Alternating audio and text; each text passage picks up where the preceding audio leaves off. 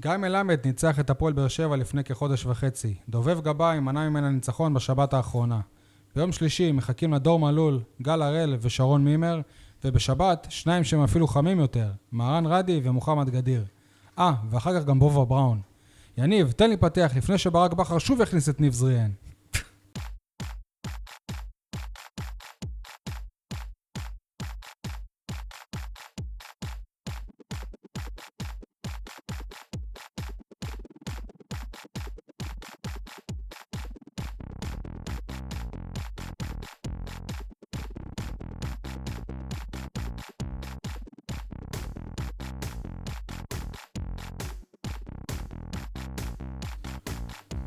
ספורטקאסט 7, פרק 96, אה, אנחנו הולכים ומתקרבים לפרק אה, המאה שלנו. אני שי אה, מוגילבסקי, ynet וידיעות אחרונות. נמצאים איתי כמובן יניב סול, עורך אתר עיתון 7, מה נשמע יניב? מצוין, יותר טוב משל בכר. משה ניר ברנז'ה, מה המצב? מה עוז צור ישועתי, לך נאה לשבח. זה חג המכבים, זה חג המכבים, אני מזכיר. אני רוצה לשבח את ג'ון אוגו. ש? שלא שיחק. ובזכות זה שהוא לא שיחק, אולי עכשיו יאריכו אותו ויאריכו לו את החוזה. כי בלעדיו, הפועל באר שבע היא לא נראית כמו קבוצה אלופה. וואלה, אני דווקא לא כל כך מסכים איתך בקטע הזה של לוגו. אה, האורח שלנו השבוע הוא אחד מאנשי התקשורת הבכירים שאוהדים את הקבוצה, את הפועל באר שבע כמובן. בעבר הוא היה שליח אה, ידיעות אחרונות לניו יורק וערך את מוסף שבע לילות של העיתון. אה, אני מדבר כמובן על אה, עדי גולד. מה שלומך, עדי? אהלן, ערב טוב, מה העניינים? חג שמח. חג שמח, הכל בסדר? הכל מעולה. Uh, מעבר למה שאמרתי, מה עוד אתה יכול לספר לנו על עצמך למי שלא מכיר? אוהו. Uh, גדלתי בבאר שבע, uh, ההורים uh, חיו פה המון המון המון שנים. עד ממש לש... לימים האחרונים. לגמרי. וזהו, עוקב אחרי באר שבע כבר למעלה מ-40 שנה, אני חושב, למרבה הזוועה. למעלה ממה כן. שאני ויניב חיים. כן. זהו, ומבחינתי גם, כמו משה, אני, העניין הזה, החיבור של האליפויות, שאנשים אה, סופרים אותן כ, כשלוש בלבד, אז מבחינתי זה ברור שזה חמש, האליפויות ההן עדיין אה, מתקיימות בתוכי, אליפויות שנות ה-70. יש לי משהו להגיד את זה, אבל זה לא לתוכנית, תזכיר לי להגיד לך. מה, רצית להגיד שמישהו יספר את זה לאלונה, לא? לא, לא, לא. משהו פיקנטי כזה, לצערי אני לא יכול עדיין להגיד אותו, כי יכול להיות, כנראה שאני אכתוב עליו בקרוב. שמה, אה, יבטלו את השתי אליפויות שהיו בשנות ה-70? לא, זה יוסיפו עוד כוכב, יוסיפו עוד כוכב. אתם בכיוון. אה, עדי, בחודשיים האחרונים נוסף טייטל אה, חשוב לתולדות חייך כאיש תקשורת וכאוהד הפועל באר שבע. אתה ערכת את הספר אלופים, כמובן שאנחנו נדבר עוד על הספר הזה, בשביל זה אתה כאן, בין היתר. אני אזכיר, ניתן לזה לנו בסאונד קלאד, ביוטיוב, באתר עיתון 7, לעקוב, להגיב ולציית בפייסבוק ובטוויטר. אנחנו נתחיל כמובן עם התיקו 2-2 נגד אה, הפועל חדרה, נדבר עליו עד אה, דקה 50. מדקה 50 ועד אה, שעה ו-21 דקות על הספר אלופים שעדי גולד ערך. משעה ו-21 דקות עד שעה ו-34 דקות על המשחקים הקרובים נגד הפועל חיפה וסכנין. משעה ו-34 דקות עד שעה ו-41 דקות על אה, מ"כ באר שבע בכדוריד, ומשעה ו-41 דקות עד הסוף, פינות והימורים. Uh, טוב, יש את המשחק נגד uh, הפועל חדרה, הוא היה אתמול, אנחנו היום ביום uh, ראשון בערב, יאזינו לזה החל מיום, שני בבוקר.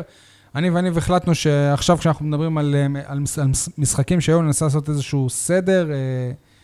חילקנו את זה לקטגוריות. הקטגוריה אה, הראשונה תהיה, תהיה בסימן חיובי, אפילו במשחק הזה אנחנו צריכים למצוא משהו חיובי. אנחנו קוראים לזה בנקר, מי או מה בקבוצה היה טוב וראוי לשימור לדעתכם במשחק הזה. אני רוצה להתחיל מהקטגוריה הזאת. אני, אני יודע שכולם זוכרים כרגע את ההחמצה של בן סער במשחק, אבל uh, בשורה התחתונה בסטטיסטיקה, בן סער כבר גול אחד ממלכות השערים, הבקיע עוד פעם. ולכל מי שמחא כפיים וקורא ללוסיו לחזור להפועל באר שבע ואיך באר שבע פספסה, הנה עוד משחק שבן סער כבש יותר מלוסיו. ואתה יודע שלא מוסרים לבן סער כדורים? עכשיו ש- אתה נשמע כמו בתיה, כי בתיה אומרת את זה. שהגולים שלו, מה זה אומרת את זה? זה עובדתית. אוקיי, בסדר. הבן אדם. מרים ידיים, עושה תנועה, לא מקבל כדור. הוא מכניס גולים, אה, כדור שפוגע בקורה, ששוער עודף, שחוזר, הוא לא, התיאוריה של משפחת סער זה שרק מאור בוזגלו היה מוסר לו. הוא לא מקבל מסירות. תסתכל, אתה יודע מה, תעבור על המשחק לא בווידאו, לא מול. הפועל חדרה, תגיד איך- איך הוא הגיע לאחד מסירה אחת שהוא? קיבל. איך הוא הגיע לאחד מול אחד מול אה, אג'ידה? הוא עבר אותו. לא, אבל- אבל מישהו מסר לו. הוא לא משחק אה, לבד. הוא לא מקבל מסירות, הוא כל המשחק מתרוצץ ו- ולא מקבל כדורים, לא מקבל עדי כדורים. מבחינתך, מה מה כן היה טוב במשחק הזה? אני חושב שבסך הכל אה, הקבוצה נראתה לא רע בכלל בחלק מהדקות. אה, היו רגעים יפים, הרבה יותר יפים מרוב המשחקים העונה, אה, אבל בסוף אה, רכים מדי. אה, רכרוכיים מדי, נותנים יותר מדי חופש לקבוצה היריבה, בטח בבית, בטח אה, מול חדרה, זה לא צריך אה, לקרות. זהו, אני לא, אני לא חושב שאפשר לציין מישהו ספציפי מאתמול. אני רוצה רק לח... לא. לחזק את מה שאתה אומר או לחדד. אני חושב שאם אתה לא, לא, לא מתייחס לשערים, זה אחד המשחקים הכי טובים של הפועל באר שבע העונה.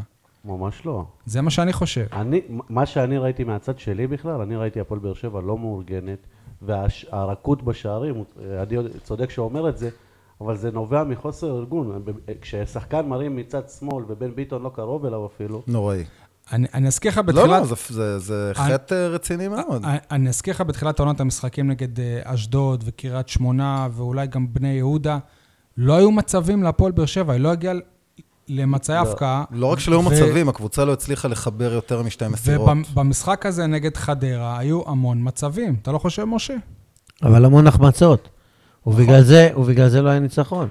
להפועל באר שבע היו הרבה מאוד הזדמנויות להרוג את המשחק, במיוחד במחצית השנייה, כשניסו אביטן אה, דילל את ההגנה שלו משלושה לשני בלמים, והעלה את כל הכלים ההתקפיים שלו במטרה להשוות, כמו שמאמן לדעתי צריך לעשות. אגב, אני לא בטוח, יכול להיות שכן, יכול להיות שלא, אני לא בטוח שזה באמת תורה של ניסו, אולי כן, אולי לא, כי הרי לא, אסור. הוא מנהל את המשחק, כבר מפתיחת המחצית השנייה, בפיגור של שער, לא מחכה, חילוף כפול, דקה 70 ומשהו, מכניס גם את אסי גומא חלוץ, עד כדי כך שברק בכר כבר חשב להכניס קשר דפנסיבי כדי למנוע את הגול, אבל הוא איחר.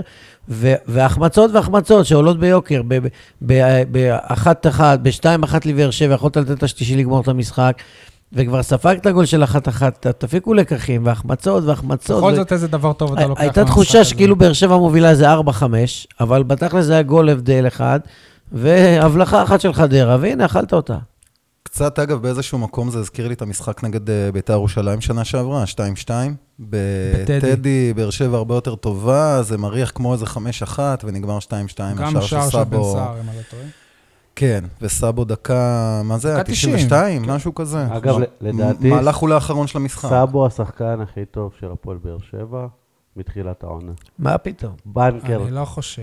אם מדברים על בנקר, זה אתמול היה בכל מקום על מה אני? אני מתחיל באמת לגלות בו הרבה דברים שאתה יודע, סוג של, כמו שהוא, כאילו, שאתה לא רואה בסט, בסטטיסטיקה, שבאמת הוא נמצא בהרבה מקומות על, אה, על המגרש.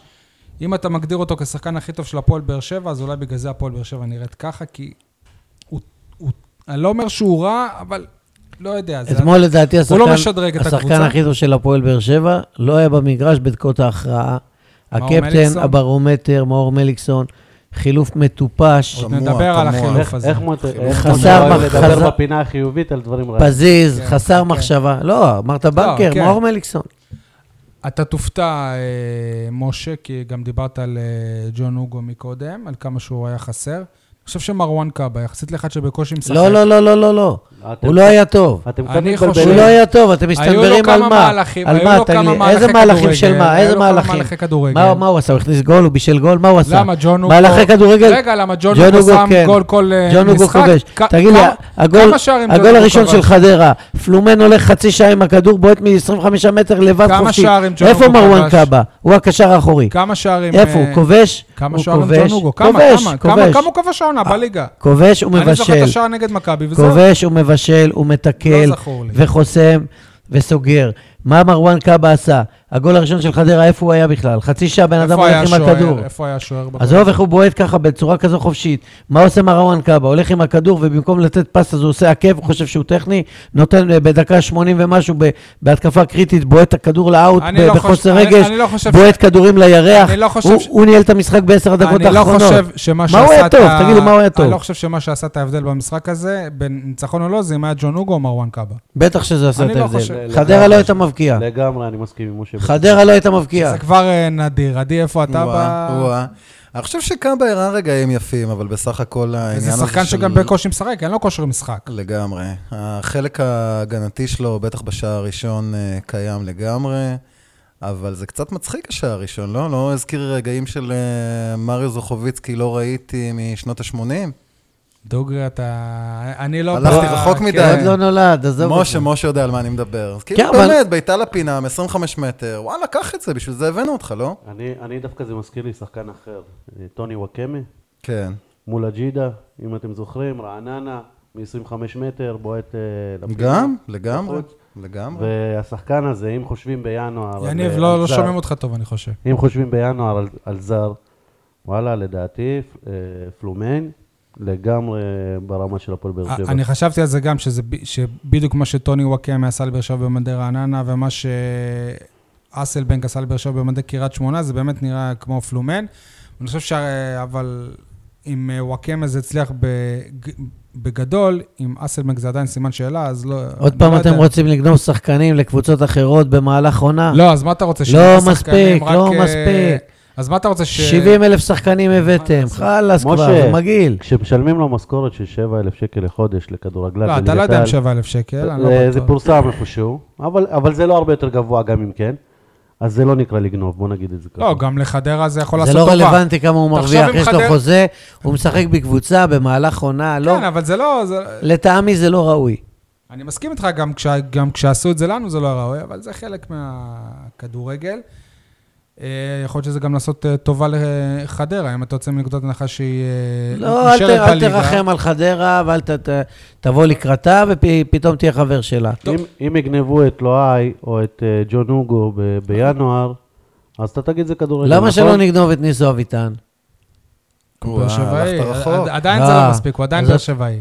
הוא עדיין מקוטלג אני- כבאר אני שבעי. אם היה מישהו שילחש על אוזנו של אה, ברק בכר אתמול, איזה עוזר אה, מאמן אה, דומיננטי, עוד אז הוא- נגיע לזה, אז אולי הייתה לא- עוד... לא הייתה ל- הייתה. לחישה, הייתה איזה אני, לחישה שם. אני לא חושב גם שזה שמי מאמן בליגת העל לא יסכים לבוא להיות מתחת לברק בכר. ברור שלא, כרגע. אחרי שגם שמענו אותו, לא, הוא אומר, אנחנו שמענו אותו כאן שבוע שעבר, הוא אומר שמבחינתו הוא, הוא ראוי לכל משרת אימון בכדורגל הישראלי. ניסו אביטן. שלא לא עוזר, זאת אומרת, כמאמן ראשי. טוב, בואו נעבור לקטגוריה שלנו קצת אה, יותר אה, קלה. מי היה באופסייד? זאת אומרת, מי הכי ביאס אותנו, אכזב אותנו במשחק הזה? קודם כל, מי היה באופסייד תרתי משמע, זה עדן בן בסט. אני לא מאמין שחלוץ, ש... אני אישית פעם תפסתי ממנו כשהוא היה מתחת לתומר חמד, אם אתם זוכרים, פורטוגל, בנבחרת. הייתי במשחק הזה. אה, פתאום, השחקן מקבל כדור מול השוער, לוקח לו שעה לעצור את הכדור. אני, אני אבל לא... הוא עשה מהלך יפה בגול. איזה מהלך יפה. עשה מהלך יפה. הכדור פגע לו ברגל, הוא בעט יפה. הכדור? פגע לו ברגל בזכות מה זה הכדור פגע לו אתה ברגל? יודע באיזו איטיות הוא התנהל? אבל הוא בעט יפה. אתה יודע שהבעיטה שלו שי. בקושי הגיעה לשער. הוא חלוץ, הוא החמיץ יפה, הוא בעט לקורה. לא יודע. קצת אתם שופטים? אותו קשה בהקשר של הגול הראשון, אבל בסך הכל עדן בן בסט, אה, אם כבר הזכרנו אותו, זו עדיין רכש אה, כמעט תמוה של הפועל באר שבע. כמעט תמוה, הוא חלוץ שהבקיע שער אחד מול שער ריק העונה. יפה, אז אה, ה understatement למה? היה ברור. אה, אה, על איזה שער אתה מדבר? שער אחד בליגה ושער אחד באירופה. אוקיי, נכון, נכון. גם. ואם לא, לוקחים כאילו אה, השער אתמול של אה, לעומתו- של בן סער הוא לא מול שער ריק. השער של בן סער. כמה שערים יש לבן סער במדי הפועל באר שבע? בסדר, בסדר. השאלה היא בסופו של דבר לגבי חלוצים, ההמשכיות ורמת אה, ניצול המצבים. והתחושה לגבי עדן בן בסט, שאמור היה לשדרג את הפועל באר שבע, שהוא בטח לא עושה את זה. הוא לא יותר טוב ממוחמד גדיר ולא מגיא מלמד. לא, חד משמעית. בטח לא מלוסיו. חד משמעית, ואני גם רוצה... וגם לא מעמרן. עוד משהו בהקשר הזה, הזכרת את עמרן, שאתמול אמנם לא ראינו את עמרן, אבל כן ראינו את אה, דן ביטון, משחק נפלא באשדוד, מביא עוד משחק מצוין באשדוד, לא פעם ראשונה ולא פעם שנייה. למה לא בבאר שבע? אני עדיין לא מבין את העניין הזה עם דן ביטון. אני לא אחזור מבין. על התשובה אני גם לא רוצה לדבר. על אה, תינוקות סורוקה וכאלה. עדיל, אל תלך? אל תלך ספציפית שמות של שחקנים באר אוקיי. שבעים. תסתכל על המכלול בעשור האחרון שבו נמצאת הבעלים הנוכחית, ותגיע לתובנה המתבקשת, העובדתית, שיש כאן אג'נדה מובנית, סיסטמטית, שיטתית, לפיה אין שחקנים באר שבעים בהפועל באר שבע. תראה את דקות המשחק, אני קיבלתי בוואטסאפ טבלה, מקום 14 ואחרון בליגה, הפועל באר שבע, אפס דקות לשחקני בית. כן, אבל זה לא... וזה מושרש שנים, אז אני אומר- וזה כאילו בכוונה. איפה זה אלקרנאווי? כאילו בכוונה, מה אני ניב זריאן יותר טוב ממנו? משה, איפה שוב. עמית ביטון? מה מתן אוחיון יותר טוב ממנו? איפה דודי טוויטו? מה בן תורג'מן יותר טוב ממנו? אני יכול להביא לך כן. מלא מלא מלא שמות, ו- וזה לא ייגמר. אין כאן, כי לא רוצים, זה הכל. וירדן אבוחצירא שעושה עונה גדולה בליגה. לא. כמה פעמים הזכרנו אותו גם. ירדן אבוחצירא זה עוד החדשות הישנות, אתה יודע, כן. זה לא הדור הממש ומוסא. תראבין שהעלימו אותו, עזוב. אתלטיקו מדריד יחלקו אני עליכם. זוכר גם היה את המשחק הזה בגביע, שמוסא כן, תל אביב. כיכבו, אביב. ובוהו. איזה יופי, ממש... או אה, חביביאן מאז- שיחק במשחק ההוא. נכון, היו ארבעה. איתמר שבירו, אה, אופיר דוד זאדה אפילו. עזוב, כל מי שהוא באר שבעי. אז דווקא בגלל העניין הזה, אני אומר, אוקיי, סבבה, בוא נעזוב שנייה את האג'נדה בצד, נלך דווקא ספציפית למקרה מאוד מאוד מאוד מסוים, דן ביטון כזה. אפילו מבחינת אה, בעיטות חופשיות, שכרגע אין לבאר שבע הרמה מישהו של קרנות, שבאמת נכון? מעולה. אין מישהו שמרים קרנות מה. מה, מה קורה? למה לא? למה לא? כי הוא באר שבעי. אתה יודע אוקיי. מה, אם אה, הוא לא היה באר שבעי והוא היה- והוא היה כרגע באשדוד כמישהו שבאמת גדל באשדוד, היה לו סיכוי להגיע להפועל באר שבע, אבל להפועל באר שבע קשה להודות בטעויות. צריך להיות משהו כמו דיה סבא של 25 שעות. תראה לי מושאל אחד לא, שחזר. מושאל אחד שחזר, תן לי שם אחד. אתה יודע למה אני לא מסכים איתך? כי הטעות של באר שבע הייתה בסכום הנמוך שהם נתנו בחוזה שלו, שאשדוד יכולים לרכוש אותו. עכשיו, אם היו חושבים שזה... כן. אם היו חושבים שזה טעות, הם לא עושים את אותו הדבר עם הם לא. תפסו ממנו, מה? ברור אבל- שהם לא תפסו אבל- ממנו. אבל מעמרן הם כן תפסו. ושוב, אני אשדוד יכולה לרכוש אותו בסכום שואל נמוך. אני בטוח שאם אתה שואל עכשיו גם את אלונה ברקת וגם את ברק בכר, הם יגידו לך שדן ביטון לא מספיק טוב להפועל באר שבע. זה מה שהם אה, יגידו. עזוב את זה שגם השניים האלה חושבים שניב זריאן הוא מספיק טוב להפועל או, באר או, שבע. ניב זריאן, בדיוק. עוד- עוד נגיע גם או אליו. חן עזרא, אגב. חן עזרא, מה? נכון. אבל אתם קצת סותרים את עצמכם, אתם חייבים להגיד את זה, כי כשאני התווכחתי איתכם לגבי אתלטיקו מדריד, אתם לא יכולים להגיד מצד אחד, יש אג'נדה שלא יספרו... אה, אתלטיקו מדריד זה לא איזה הברקה של אלונה, זה בא לפה, אה, איך אה. קוראים לו? אה, עופר, עופר. סבבה, הוא הוא רצה להשקיע פה בכדורגל ב- בנגב, אז הוא שם כמה גושים בדימונה, ועם כל רגע, אבל מה הטיעון של סול? לא הבנתי עד הסוף. אני אומר ש, שאם יש אג'נדה לא לשלב באר שבעים ולא מאמינים בהם, נו. אז לא הולכים את כל הפרויקט הזה, למה? לא עושים רעש מהפרויקט זה לא עולה. למה? כסף, זה מה שאני אומר. למה לא? מה זה קשור? אבל אחרי זה אתלטיקו... מה זה כאילו, קשור? אתלטיקו יגיעו למסקנה שאין פה שחקנים. לא, ישביחו רגע, אותם לאשדוד. הם מביאים שנייה, לפה מאמנים. לא, ישביחו לא, לא. אותם לאשדוד. מה שאני אומר, ש- שיבוא אתלטיקו, ישביחו שחקנים, הם יהיו ברמה מספיק טובה, ואלונה עדיין לא תרצה לשלב אותם. יניב, יהיו מספיק יניב. טובים לאשדוד. יניב, מי שמשלם על זה, זה בחור. ישראלי. זה לא קשור זה לשלם. בחור לא ישראלי. אתלטיקו מדריד, היא לא פתחה את האקדמיה כאן מטעמים מקצועיים, זה לא שחושבים שיש פה איזה טאלנטים, אחרת הם היו עושים את זה במקום אחר, אחר בעולם. אבל אתם טענתם שמאמן מספרד, עם ברור שמאמן שלו, מספרד זה אז- עדיף אז על הוא- מאמן ישראלי, ברור. אז הוא יביא, אז הוא יביא את השחקנים האלה לרמה יותר גבוהה ממה שהמאמנים פה הביאו, ואז אתם טוענים יניב, אתה לא שאלונה... מדבר למיקרופון. אתם טוענים שאלונה תביא את, ה, את השחקנים האלה שיהיו מספיק טובים, והיא תגיד לא, האג'נדה שלי שהם, שהם באר שבעים לא מספיק תגיד טובים. לי, אנחנו מדברים עשר שנים, כבר היא כאן. אתה מדבר איתי אני עכשיו לא על עוד חושב עשר שנים. שלאלונה יש אג'נדה שבגלל שבן אדם הוא באר שבעי, פשוט זה כאילו... אני חושב. שכן, אני חושב שכן, ואמרתי את זה 200 פעם. אני רוצה להאמין ש- שלא, הלוואי שלא. חבר'ה, מי שביאס אותי זה דיה סבא. ברור, היה נראה שהוא ברור. משחק שכונתי, עד שהוא מוסר.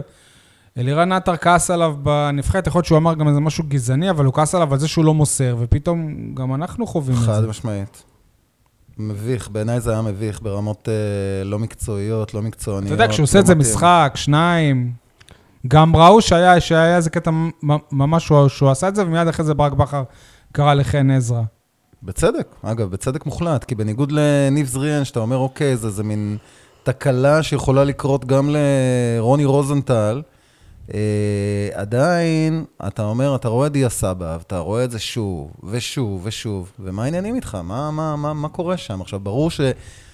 לתחושתי לפחות, דיה סבא מאוד מאוד מאוד לחוץ, מאוד אה, רוצה להוכיח כן, את אבל הוא עצמו כבר כבש את באר השערים שבע. שלו. כאילו. נכון, אבל עדיין אני חושב שהוא מרגיש שהביאו אותו בתור סופר שחקן.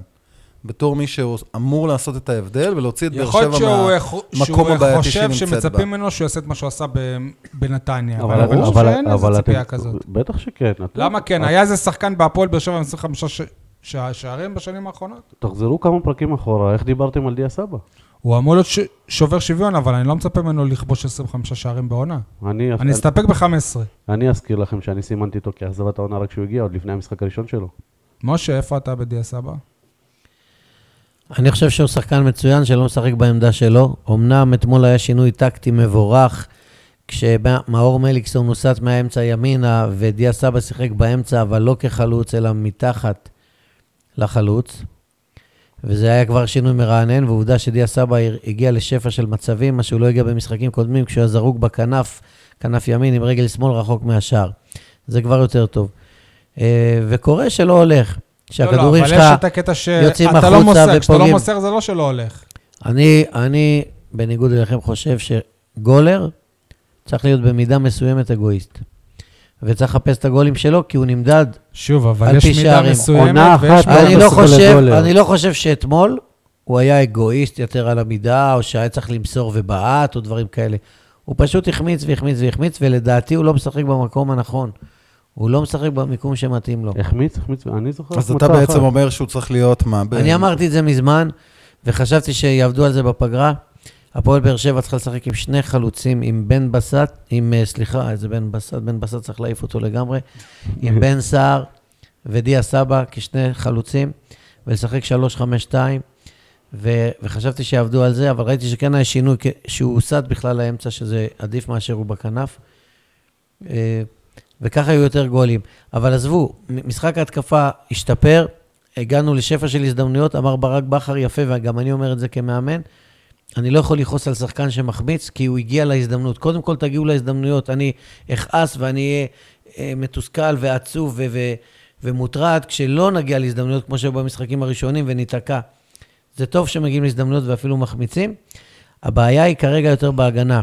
אני מסתכל, ואמרתי את זה בתחילת העונה וגם עונות קודמות, קבוצות שלוקחות אליפות אלה קבוצות שסופגות הכי מעט, ואנחנו סופגים יותר מדי שערים, שניים מול בית"ר ירושלים, שניים מול הפועל חדרה בבית. אני מסתכל על מאזן הספיגה של מכבי תל אביב, של ספגנו קריית- מהפועל תל אביב. של קריית שמונה, של בני יהודה, אפילו הפועל תל אביב, שנמצאת בתחתית, ספגה בדיוק את מספר השערים. אני חושב שאנחנו ספגנו יותר גולים מהם. כן, כן, אבל- כן, אחרי אלפיים. אבל אפס אתה גם לא רחוק. ממכבי תל אביב, זה עניין של... יש פה. ארבעה, וזה נתון שהוא מאוד מאוד... ואני חושב ש, אני ש.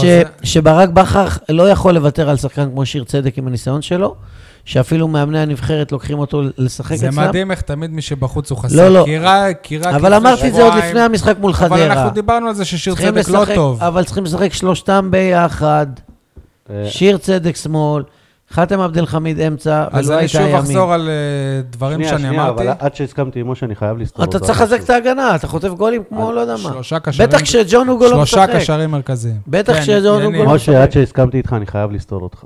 ישבת פה, אחרי החמצה של חן עזרא באירופה, ואמרת שחקן שמחמיץ ככה, ספסל.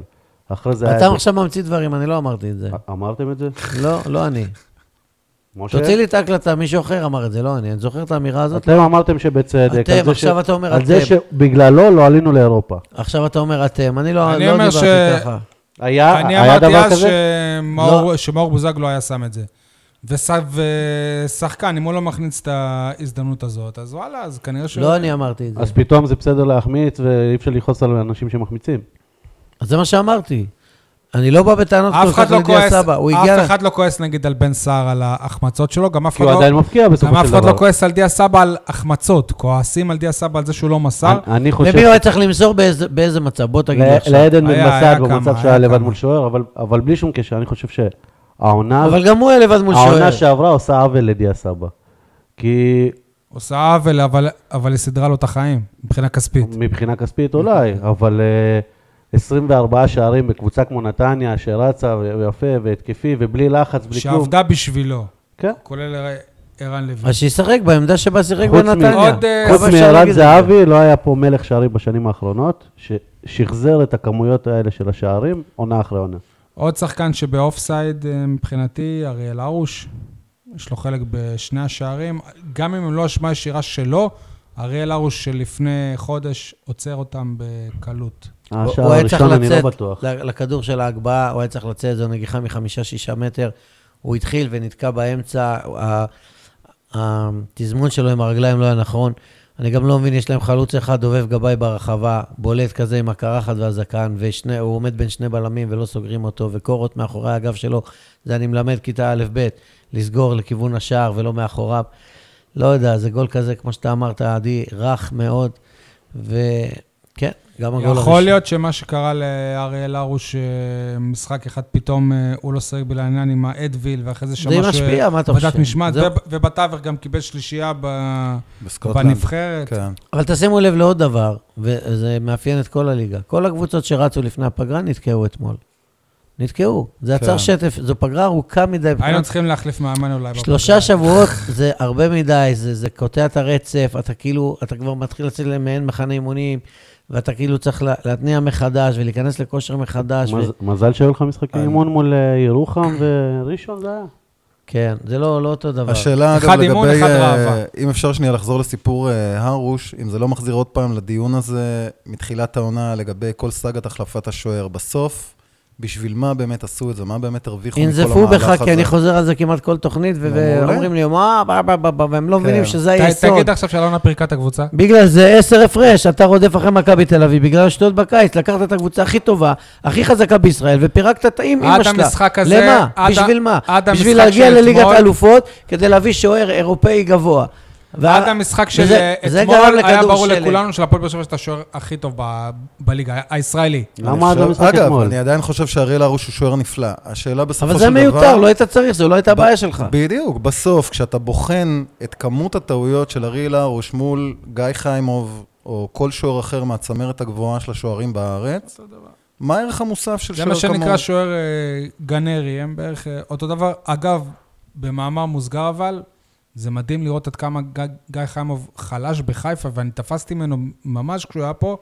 זה רק מעיד עד, עד, עד כמה כשאתה חלק מקבוצ, מקבוצה, כמה זה משפיע. זה נכון, אבל זה גם מעיד עד כמה מכבי חיפה היא גול. קבוצה רקובה נכון, נכון, ובעייתית. נכון, נכון. זה, מה ש, זה, זה מה שאמרתי ב... שמע, מכבי במילים חיפה אחרות. זה, זה דבר נוראי, שום דבר לא פוגע שם, שום דבר לא עובד. זה איפה- מה- גיא חיימוב אף פעם לא היה שוער גדול, הייתה לו עונה גדולה, הייתה אף לו עונה לא גדולה. העונה שעברה הייתה עונה גדולה. כן. אגב, אגב, שכחנו גם לאריאל הרוש הייתה הצלה גדולה אתמול בדקה, מה זה היה? ברגל, שביעית, כן, שמינית, כן. הצלה נפלאה. החמצה יותר של פלומן, אבל זה תלוי איך אה, מסתכלים שוב, על זה. תשמע, בסדר. טוב, קטגוריה שנדבר עליה אחרי כל אה, משחק, והיא מוקדשת לברק בכר, אם הוא יצא קוסם או אשם. מה דעתכם עליו במשחק הזה? משה קוסם או אשם, אני חושב. שהפעם זה די קל. משה התחיל לדבר על מליקסון, בוא... בוא... א' כל שנייה, אני לא חושב שברק בכר אשם בהפסד הזה, כי מה הוא אשם ששחקנים מחמיצים, אתה יודע, ברמה מטורפת. לא, אבל זה לא ששחקנים אה, מחמיצים. ברק בכר הפסיד לניסו אביטן מבחינה טקטית בניהול המשחק. ניסו אביטן הגיב לאירועים במגרש, וברק בכר נגרר. כשניסו אביטן ערך חילוף כפול במחצית בפיגור, ועבר לחלק התקפי, והכרוז ונשאר- שלנו לא זיהה את זה אפילו. ונשאר עם שני בלמים במקום שלושה. ופה הייתה הזדמנות נהדרת להפועל באר שבע להגדיל את היתרון ולהרוג את המשחק, והגיעה להזדמנויות ולא הצליחה. אבל אם ואז- אם הם מכניסים את ההזדמנויות האלה, אז ברק בכר אז יצא אתה אומר. אם, ואז, והנה אני מגיע לנקודה, 20 דקות לסיום, הוא זיהה שחדרה עושה התקפות תחילה להשתלט. ועלולה להשוות, ואז הוא קרא ליונתן אליאס, המכונה יוני, המכונה מוצ'ה. הקשר, מוצ'ו. הקשר גבוה הקומה, ש... אה, ששיחקתי מולו במשחק אימון עם נוער בית"ר באר שבע כשהוא היה בנערים א', וכבר אז הלך מכות עם שחקן, לא משנה, הוא היה צריך להיכנס, כבר אז כאילו שגם אתמול זה הוא קרה. היה צריך לס... להיכנס לדעתי במקום בן סער, כדי לחזק את האמצע עם, אה, עם מרואן קאבה האגדי ואריק סבו, אה, סאבו, לשמור על היתרון, על הניצחון.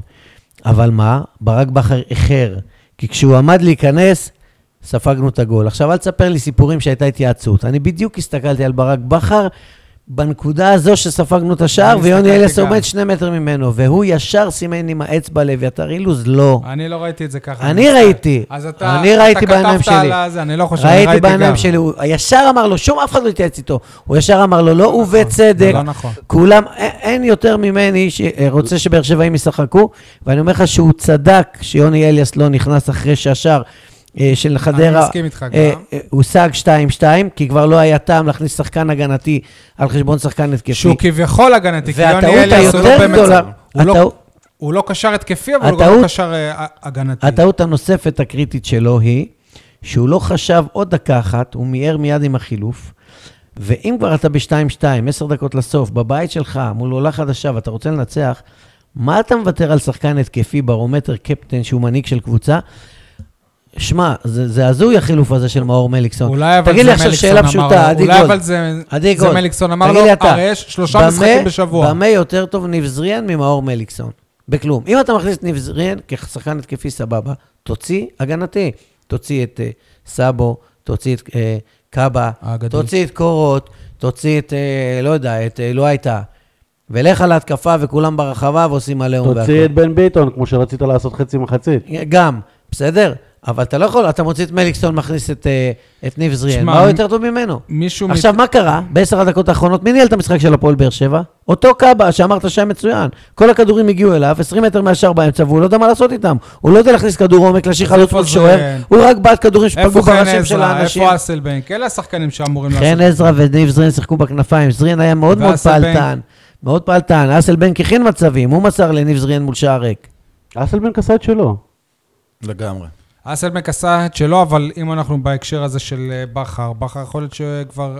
צריך לשים אותו כבר בהרכב, כאילו הבנו את הקטע. לא, לא, לא חייב, לא. נכון, לא נכון, לא אבל- מסכים אבל איתך. כל השחקנים שעלו. לא אה. בהרכב על חשבונו, היו חלשים. זה התחיל עם חנן ממן, עבר לחן עזרא, עדן בן מסת גם.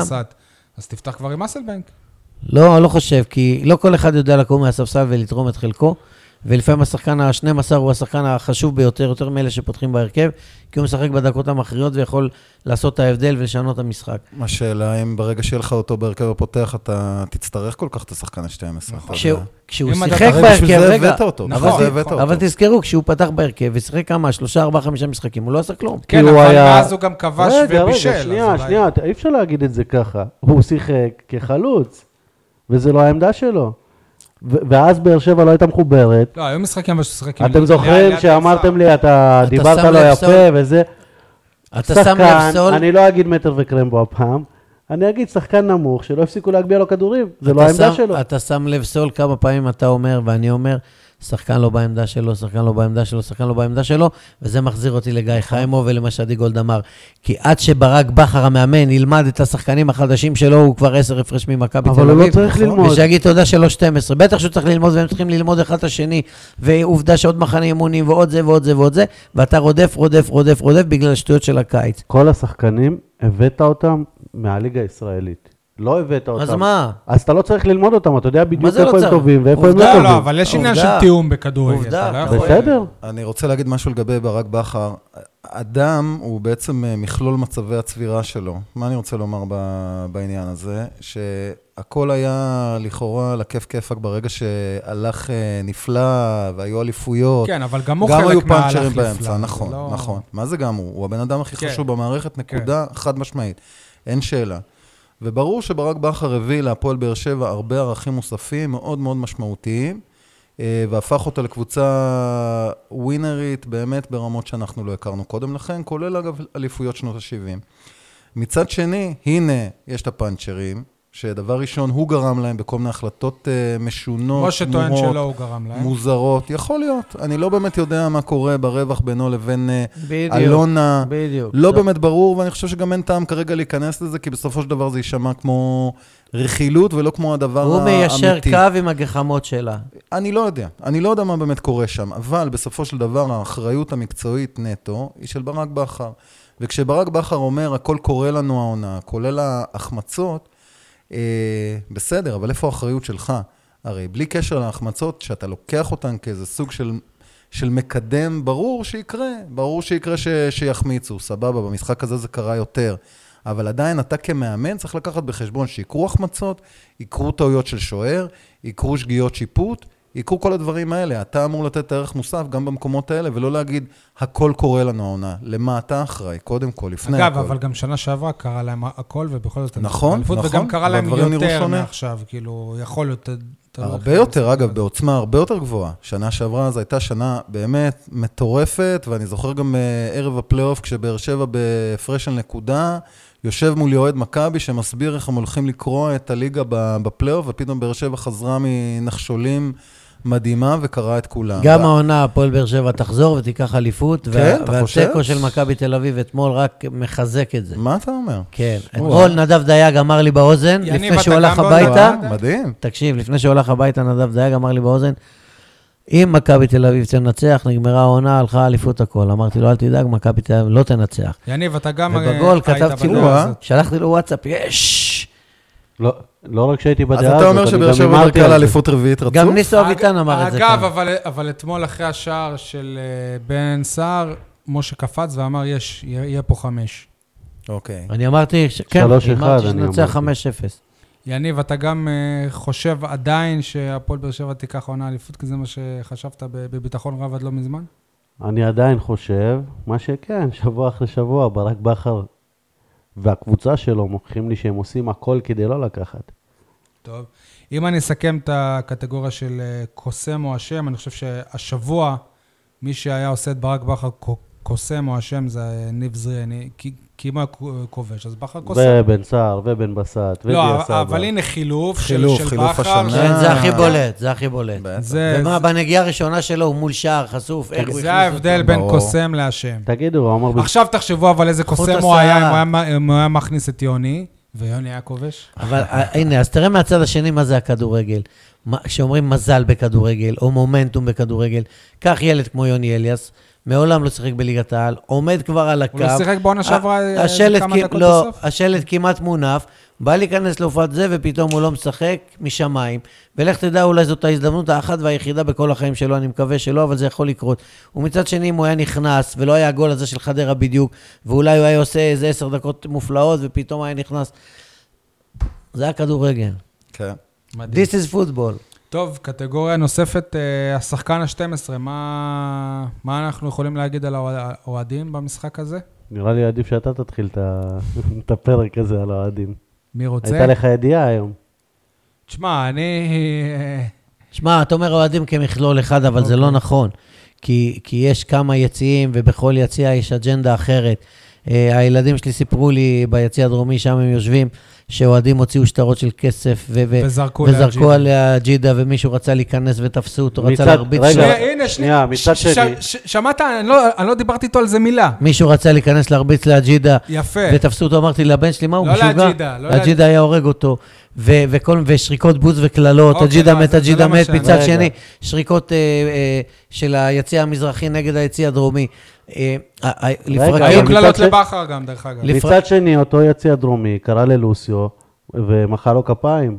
ואמר. לו תודה. אז יופי, מצד אחד כל הוא- הוא הכבוד להם, כן, לשוער ששלוש שנים הוא כן. שיחק פה, אז אותו הוא מת, אבל לוסיו, אותו שאיזה קהל, חצי אותו שנה קהל הרג. הרג, שלח את אופיר דוד זאדה לקבר, ו- את- ורומם את והילל את- את את- את- את בוזגלו את לקבר. תורג'מן, את בן תורג'מן הוא הילל. עזוב. אה, לא אמרתי שהם צודקים, כן? ה- היו דקות שהקהל עודד בטירוף ודחף את הקבוצה חזק, אה, כמו שטרנר יודע לעשות, והיו דקות שהקהל ישב בשקט, ואי אפשר להגיד השחקן ה-12 כאילו כ- כאיש אחד שלא יודע מה. ומה לגבי הבוז בסוף המשחק? זה גם לא כולם, אבל uh, לי בתחושות, זה היה נראה לפעמים קצת שחזרנו אחורה לווסרמיל ושער 2, ומה שקראו לזה בתקשורת uh, פינת השיכורים. אתם זוכרים שככה היו כותבים על שער, שער 2? היו שם קל- קללות, ואני יודע שביציאה מה- מהאיצטדיון היה אוהד שאמר לדיה סבא, אתה מוכר אותנו, אתה פה, ודיה סבא קצת uh, ענה לו. והיה אוהד שהיה נראה לי ולעוד הרבה אנשים נראה שהוא פורץ לדשא כדי, כדי לריב עם, השחק, עם השחקנים של באר שבע. הוא אחרי זה טען שלא, הוא אה, פרץ לדשא כדי לקרוא להם לבוא לגדר, כאילו שאין לו מגפון. היה עוד אוהד של באר שבע שפרץ לדשא בסיום המשחק וחגג בטירוף עם הפועל חדרה. ניסו אביטן. נכון. בקיצור, רגע, תגידו, אה, לא אמרנו את זה- אנחנו- לא אמרנו את זה עוד בעונה שעברה, אבל ש- שנשפוט... שברגע ש- שלא יהיו תוצאות טובות, אז נשפוט את הקהל הזה. רגע, אבל, למבחן אבל הקהל הזה. כבר עלה על המוקד לפני איזה חודש, עם הריב הגדול עם המשטרה, עם העצורים ועם הכל. שמדובר באותו אוהד שפרץ יש, בסוף. יש עשבים שוטים, יש אפס אה, עבריינים שם, צעירים משולהבים, שעושים שטויות, מורידים חולצות, כן. מקללים, מסמנים אה, תנועות מגונות ועושים כל מיני דברים אה, רעים. מה שפשוט כאילו, היה איזה נרטיב כזה שהקהל של הפועל באר שבע הוא השתנה, והנה, תראו מה זה, מי הקהל, אחד הגרועים בארץ, הוא הפך לאחד הטובים בארץ. עדי, אתה בטח כאילו... עזוב, אבל אתה זה, ש- במרכז גר, אתה זה מודע שטחי ל- ולא נכון. זה הדיבור. זה שטחי ולא נכון. נ- נכון, כאילו, היה דיבור כזה. זה הדיבור, חד משמעית. אבל זה לא לגמרי. נכון, זה סתם המצאות נכון, של נכון, התקשורת. נכון, אני נכון. ישבתי בין האוהדים האלה, בתוכם, בטדי, בשנה שעברה, עם הילדים שלי והכול, הזדעזעתי מכמות הקללות, והשירי נאצה, יודע מה לשחקנים זה... של הקבוצה? לא יאמן כי יסופר, גם לשחקנים היריבים. אני לא אוהב לשמוע אה, מכבי זה, וביתר זה, וכל מיני דברים, ומת וחי וכל השטויות האלה. לא, תעודד את הקבוצה שלך. מה, אנחנו בשנות ה-70? לא מבין את הקטע הזה. אוקיי, לסיכום המשחק הזה, עשו לנו בית ספר. מה למדנו על אה, הפועל באר שבע מה- מה- מהמשחק הזה? אני למדתי שהיא לא במאבק האליפות, ולא, ולא אכפת לי התוצאה של מכבי תל אביב. זה מה אני למדתי. מה אתם למדתם מהמשחק הזה? אני למדתי שיש דבר כזה, אה, לכאורה פקודת אלונה, עצם זה שמוצ'ה היה בהרכב, זה... הוא לא היה אה, בהרכב. אה, בסגל. סליחה, עמד לשחק. והפועל באר שבע הם טוענים שפתאום זה- הוא שינה גישה, שהוא עשה מחנה יפה. טוב. אז לדעתי, הטבלה שמשה דיבר עליה, גם אני בטח. נחשפתי אליה, יש לזה השפעה. אלונה בטח. ברקת ראתה שכל המדינה מדברת על זה, על האפס הגדול הזה, בטח. והיא לא אהבה את זה, ולדעתי הגיעה איזושהי הוראה לשלב יותר שחקנים אז בית. יש אולי סיכוי. שדן ביטון ואבוחצירא היו המרענן של חודש ינואר? בגלל הקטע הזה? אה, לא חושב, זה לא שאתה מחזיר עכשיו איזה פאברגס לברצלונה, אתה יודע, זה עדיין לא... למה? זה- הם שחקנים קצת יותר מוכח- מוכחים מיוני אליאס, נכון עכשיו. ואז אתה תושיב את קאבה מליגת האלופות על הספסל ותיתן לדן ביטון לשחק, אני לא חושב שברק יעשה את זה. אפרופו הפינה הזו, אני, אני מקווה שאלונה ברקת למדה את מה שאמרתי בהתחלה לגבי ג'ון אוגו, שהוא עוגן, שהוא חשוב, שהוא חיוני, שמקרה טוני וואקמה לא יחזור על עצמו עם סיום חוזה ומיסים, וכן לעלות לו, לא וגם לעלות שמקרה האיחורים לא לו. יחזרו על עצמם, ונדבר אה, גם על אין זה. שני לו, אין דומה לו, אה, אין שחקן מעל הקבוצה, ומתי שהוא יפרוש, ומתי שהוא יעזוב. שנייה. אין שני לו, אין דומה לו, אלא אם כן יונתן אליאס יקבל דקות ויגלה שהוא יותר טוב ממנו. אתה אמרת לי משהו יפה אתמול במשחק, שאם יונתן אליאס היה משווק על ידי אחד הסוכנים כשחקן ניגרי בעל שם מוג'ה צ'וצ'ה, והוא היה משחק בהרכב הראשון של, של ב- כל קבוצה, מכבי פתח תקווה, בני יהודה, לא יודע מה. ב- תראה איזה נתונים. מרשימים, איזה גובה, איזה חסון, איזה איזה כוח, איזה. גול. אבל ב- אתה, מבין, בגלל שהוא באר שבעי ובא מהנוער וזה, אז הוא יכול... טיבוטי, אה, אגב, אם אני לא טועה. ועד הפציעה שלו, היה לו שבר, אם אני לא טועה, אה, עד הפציעה שלו, כל משחק אימון שהוא שותף במחנה אימון, ראינו אותו נכון. כובש שערים, ראינו אותו משחק טוב. אני ראיתי אותו גם. אה, כובש נגד אשדוד, היה איזה מש- משחק אימון נגד... רגע, אז מה השינה שהוא שינה, שהוא לא פצוע? הגישה שהוא שינה? זה היה משתוללים שהוא שינה גישה ועשה מחנה אימונים טוב. דיברת על ניגרים, אני מה ש... אני למדתי עוד דבר, סליחה שאני קוטע אותך. שניב זריאן לא מתאים ברמתו לאלופת מדינה, ושבינואר הקרוב צריך לשחרר אותו. אם אתה- שוחרר- אתה תלמיד גרוע אם למדת כן. רע. לא. כן, איזה- נכון. איזה אם היית. צריך את ההחמצה הזאת. למדתי את זה עוד לפני, זה לא רק החמצה, זה גם התנהלות עם הכדור שהוא יצא מהקו אחר כך, ו- וכל מה שקורה סביבו, כל התקופה הזאת. אה, גיא מלמד הרבה יותר טוב ממנו, מוחמד גדיר, אני לא מבין, יש לו פוטנציאל, ברק בכר מחזיק ממנו, די, חלאס, מספיק, אתם לא- להתראות, אתם לא תודה מבינים רבה. שהוא לא במקצוע, פשוט. אני לא יודע הוא לא. במקצוע. לא, שלחו אותו לפוצל, לכדורגל, קט רגל. קט רגל, אז אז הוא שחקן מצוין. אבל בכדורגל אתה צריך נגיעה, וזהו. או למשחקים. הוא נגד בית"ר הוא ירושלים. במקצוע לאשדוד, כן. לא, אה, אבל למשחקים נגד בית"ר ירושלים. באחרון הוא לא שיחק בכלל. חברים, אני... נכון, זו הבעיה. אני אתמול, אה, אני רציתי מאוד לראות את אה, אוסטין אה, אג'ידה, כאילו להיפגש איתו אישית, כי היה לי קשר מאוד אה, טוב איתו, אני גם עשיתי את הרעיון איתו ממש אחרי שהוא עזב את אה, הפועל באר שבע.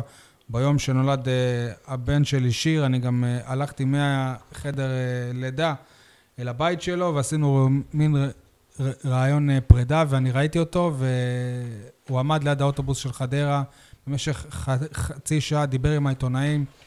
ושפך את הלב שלו. אני למדתי שהאג'ידה, כמה שהוא בן אדם גדול, פיזית ועם ניסיון, יש לו לב ונשמה, והוא נפגע מאוד ממה שקרה לו מקבלת הפנים הזאת. הוא לא ציפה לזה. מה לא ציפה? אנחנו גם אמרנו את זה למאמן שלו, יפה, אבל הוא שיגיד לא לו. שומע, הוא לא שומע את הפודקאסט. אמרנו לניסו שיגיד לו. והוא, מבחינתו אומר... שזה מה שמתכננים לו. מבחינתו אומר, אני לא כועס על הפועל באר שבע, על אה, אוהדי הפועל באר שבע, כי הם אוהד- אוהדים, אני כועס על הנהלת המועדון שלא ידעה להכין ולהרגיע את הרוחות. זה מה שהוא טוען. שהוא אומר, אני שחקתי פה עם ברדה, אני שחקתי פה עם מליקסון, מה, הם לא יכלו לדבר עם האוהדים ולצאת באיזה קריאה ש... שיכבדו אותי? זה מה שהוא אומר, ואני אומר לך, הוא דיבר הוא- איתם על זה הוא- חצי שעה. הוא הוא אמר אמר ו- את המילה בושה בעברית. הוא אמר גם במילים אחרות, שאם אתה לא תדע להשתלט על מה ששלך, יום אחד הם יבואו גם עליך. לי זה היה עצוב, שאתה ראית בן אדם ממש פגוע. גם אנחנו פגועים מה-6-2 בגמר גביע המדינה. כן, ותאשים אותו, ותאשים אותו, נו באמת. שי עדיין טוען שלאג'ידה לא היה חלק בשום אה, גול בשש-שתיים. בגול של, ר... של רדי. וזהו. איפה אתה בדיון הזה? תשמע, זה המשחק היחיד אי פעם שיצאתי ממנו באמצע, ואני באתי למשחק הזה במיוחד. מניו יורק, נסעתי, הגעתי לארץ לארבעה ימים כדי להגיע לגמר הזה. ממש לפני הכניסה לסמי עופר, הרגשתי שהולך לקרות משהו נורא ואיום, ועם זאת, מנסים להיות אופטימיים. אה, אבל בסוף אה, התחושה הייתה שזה כמו איזה מין אה, משחק טלוויזיה מקולקל. אבל אתה ראית מאז את השערים. ביוטיוב, אתה ראית? אז זהו, שלא העזתי לעשות את זה, מרוב שהתחושות היו כל כך קשות מהמשחק הזה, אתה באמת. חייב לראות. אני חושב שהיו שני משחקים ש... של באר שבע שראיתי שהתחושות היו כאלה. זה ה-2-6 נגד מכבי בגמר הגביע, וה-5-2 שבית"ר ירושלים עשו לנו בעונת שהובלנו הירידה. 2-0. המהפך הנוראי הזה, אגב, עם השוער המחליף השלישי של בית"ר ירושלים. זה אתה מדבר ב- עם עשרה שחקנים. בבית, בבית. רחמין, 2-0. אני- שאליהו עופר החליף את דודו. חפר במחצית. כן, כן. אבל לא, היה- היו עוד שני משחקים, 7-2 בטדי מול כן, בית"ר ירושלים. אחרי 0-0 במחצית, זוכר, זוכר, זוכר. ומשחק שאני הייתי לא, בו, כן, זה באותה עונה. שהוא שיא השיאים ואין אין כן. כמוהו. 10-0. כן, רודה. הפועל באר אני לא שבע, ששם היה סבוטאז', כן, ברור. חבל על הזמן. אגב, לגבי מה שאתה מספר, המגדל, ה-0-10, לא אפשר יהיה לדבר עליו בפרק הבא שמתייחס לספר, ומשה היה שם.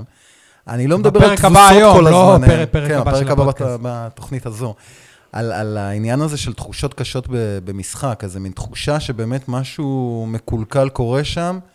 לי אישית, זה מה שהורגש בגמר הגביע נגד אה, מכבי תל אביב. אז אה, ואני חושב הוא שהרבה ילדים עדיין חווים את החוויה הזאת כחוויה מכוננת של חייהם, ולא שכחו את זה לאוסטין אג'ידה. אגב, לא שאני הוא הפך להיות הפוסטר, מסנגר. הוא הפנים, הוא הפנים לא שאני של מסנגר עליהם. להפך, אני חושב שזו התנהגות חמורה ובעייתית, ולא רק שצריך להוקיע אותה, צריך להבין איך מטפלים בדבר הזה, וחבל שלא טופל אה, העניין הזה מבעוד מועד באמת, כמו שאוסטין עצמו אמר. אה, ואגב, הוא בכלל נראה כמו שוער נבחרת הוותיקים של ניגריה, אה? זה קצת כן, מצחיק. כן, כל אני ה- אמרתי את זה לניסו. אבל זה- גם כאן הוא היה נראה ככה. הוא לא בכושר, אני לא חושב שהוא סליחה, שוער הוא טוב. גם כאן היה נראה ככה. מאוד, אה, שוער, הוא שוער מאוד מוזר. הוא אני חושב, מאוד מאוד מוזר, ההפך, אני, בסופו של דבר. אני אגיד לך, אני הסתכלתי עליו אתמול בשיחה שעשינו, אז הוא היה יותר רחב, אני אגיד את זה בעדינות. להיות. הוא רזה אפילו מאז. יכול להיות, הוא גם סיפור מוזר, הוא לא שיחק כדורגל שנתיים, נכון? הוא כן. טיפל, לטענתו טיפל באימו החולה, ולא הוא שיחק בארצות שנתיים, הברית, חי בארצות כן. הברית, ולא שיחק כדורגל בכלל, אין לו רזומה. מה וח- קרה וח- שם? וחדרה כבר היה קטע שלא רצו אותו שנה שעברה. מאוד. מוזר. למי שעוקב אחריי, אף אחד לא יכול להאשים אותי בזה שאני אחד מהאוהדים הגדולים של אוסטין אג'ידה, ועשיתי כתבה אפילו פעם על כמה שערים מתוך השערים שהוא ספג בהפועל באר שבע, הוא אפילו לא. זז. ברור. אבל זה שהוא לא שוער מספיק טוב, מבחינתי, לדעתי, זה לא הופך אותו ל... הוא לא זז, זה. אופייני לו שהוא לא זז. נכון? אני חושב, אגב, שוב, אולי זה גם כי הייתי ביחסים טובים, טובים איתו, אז אני, אני משוחד קצת.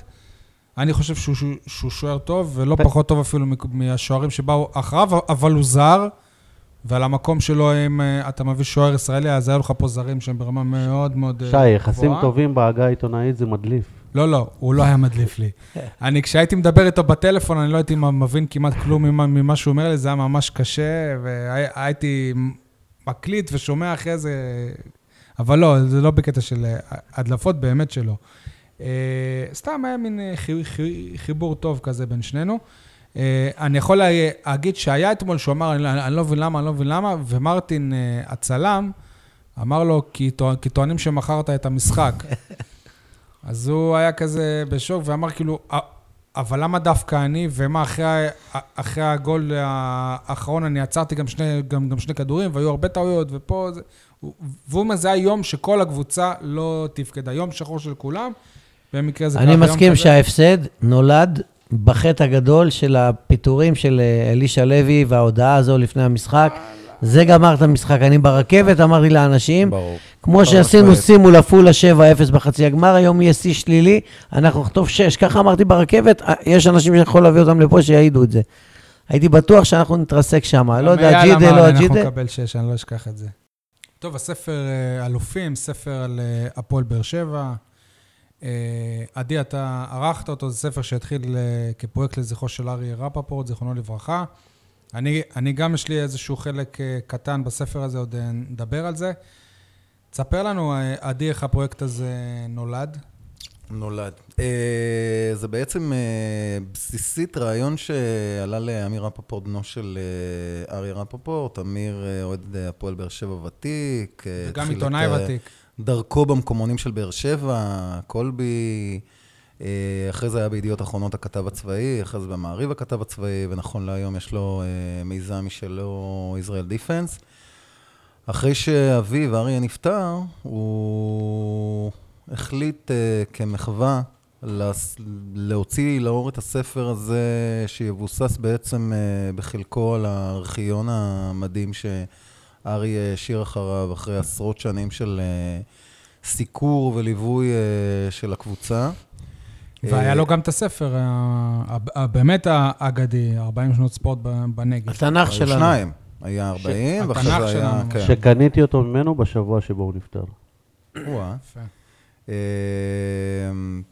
זהו, ובעצם אה, מי שנכנס לפרויקט זה אחיו של אה, אריה, אבינועם פורת. גם עיתונאי ספורט ותיק מאוד. עיתונאי, מיתולוגי, העורך של אה, עיתון שלא הרבה אולי אה, ראו אותו, אבל הוא... פרנג'ה? הוא סיפור. לא. פנדל. אה. שמעת על פנדל? לא, יניב. שמעת על שלא. הדבר הזה? אתה לא. אתה עוד זוכר את פנדל, משה? פוסטרים של פנדל אצלי בחדר תלויים.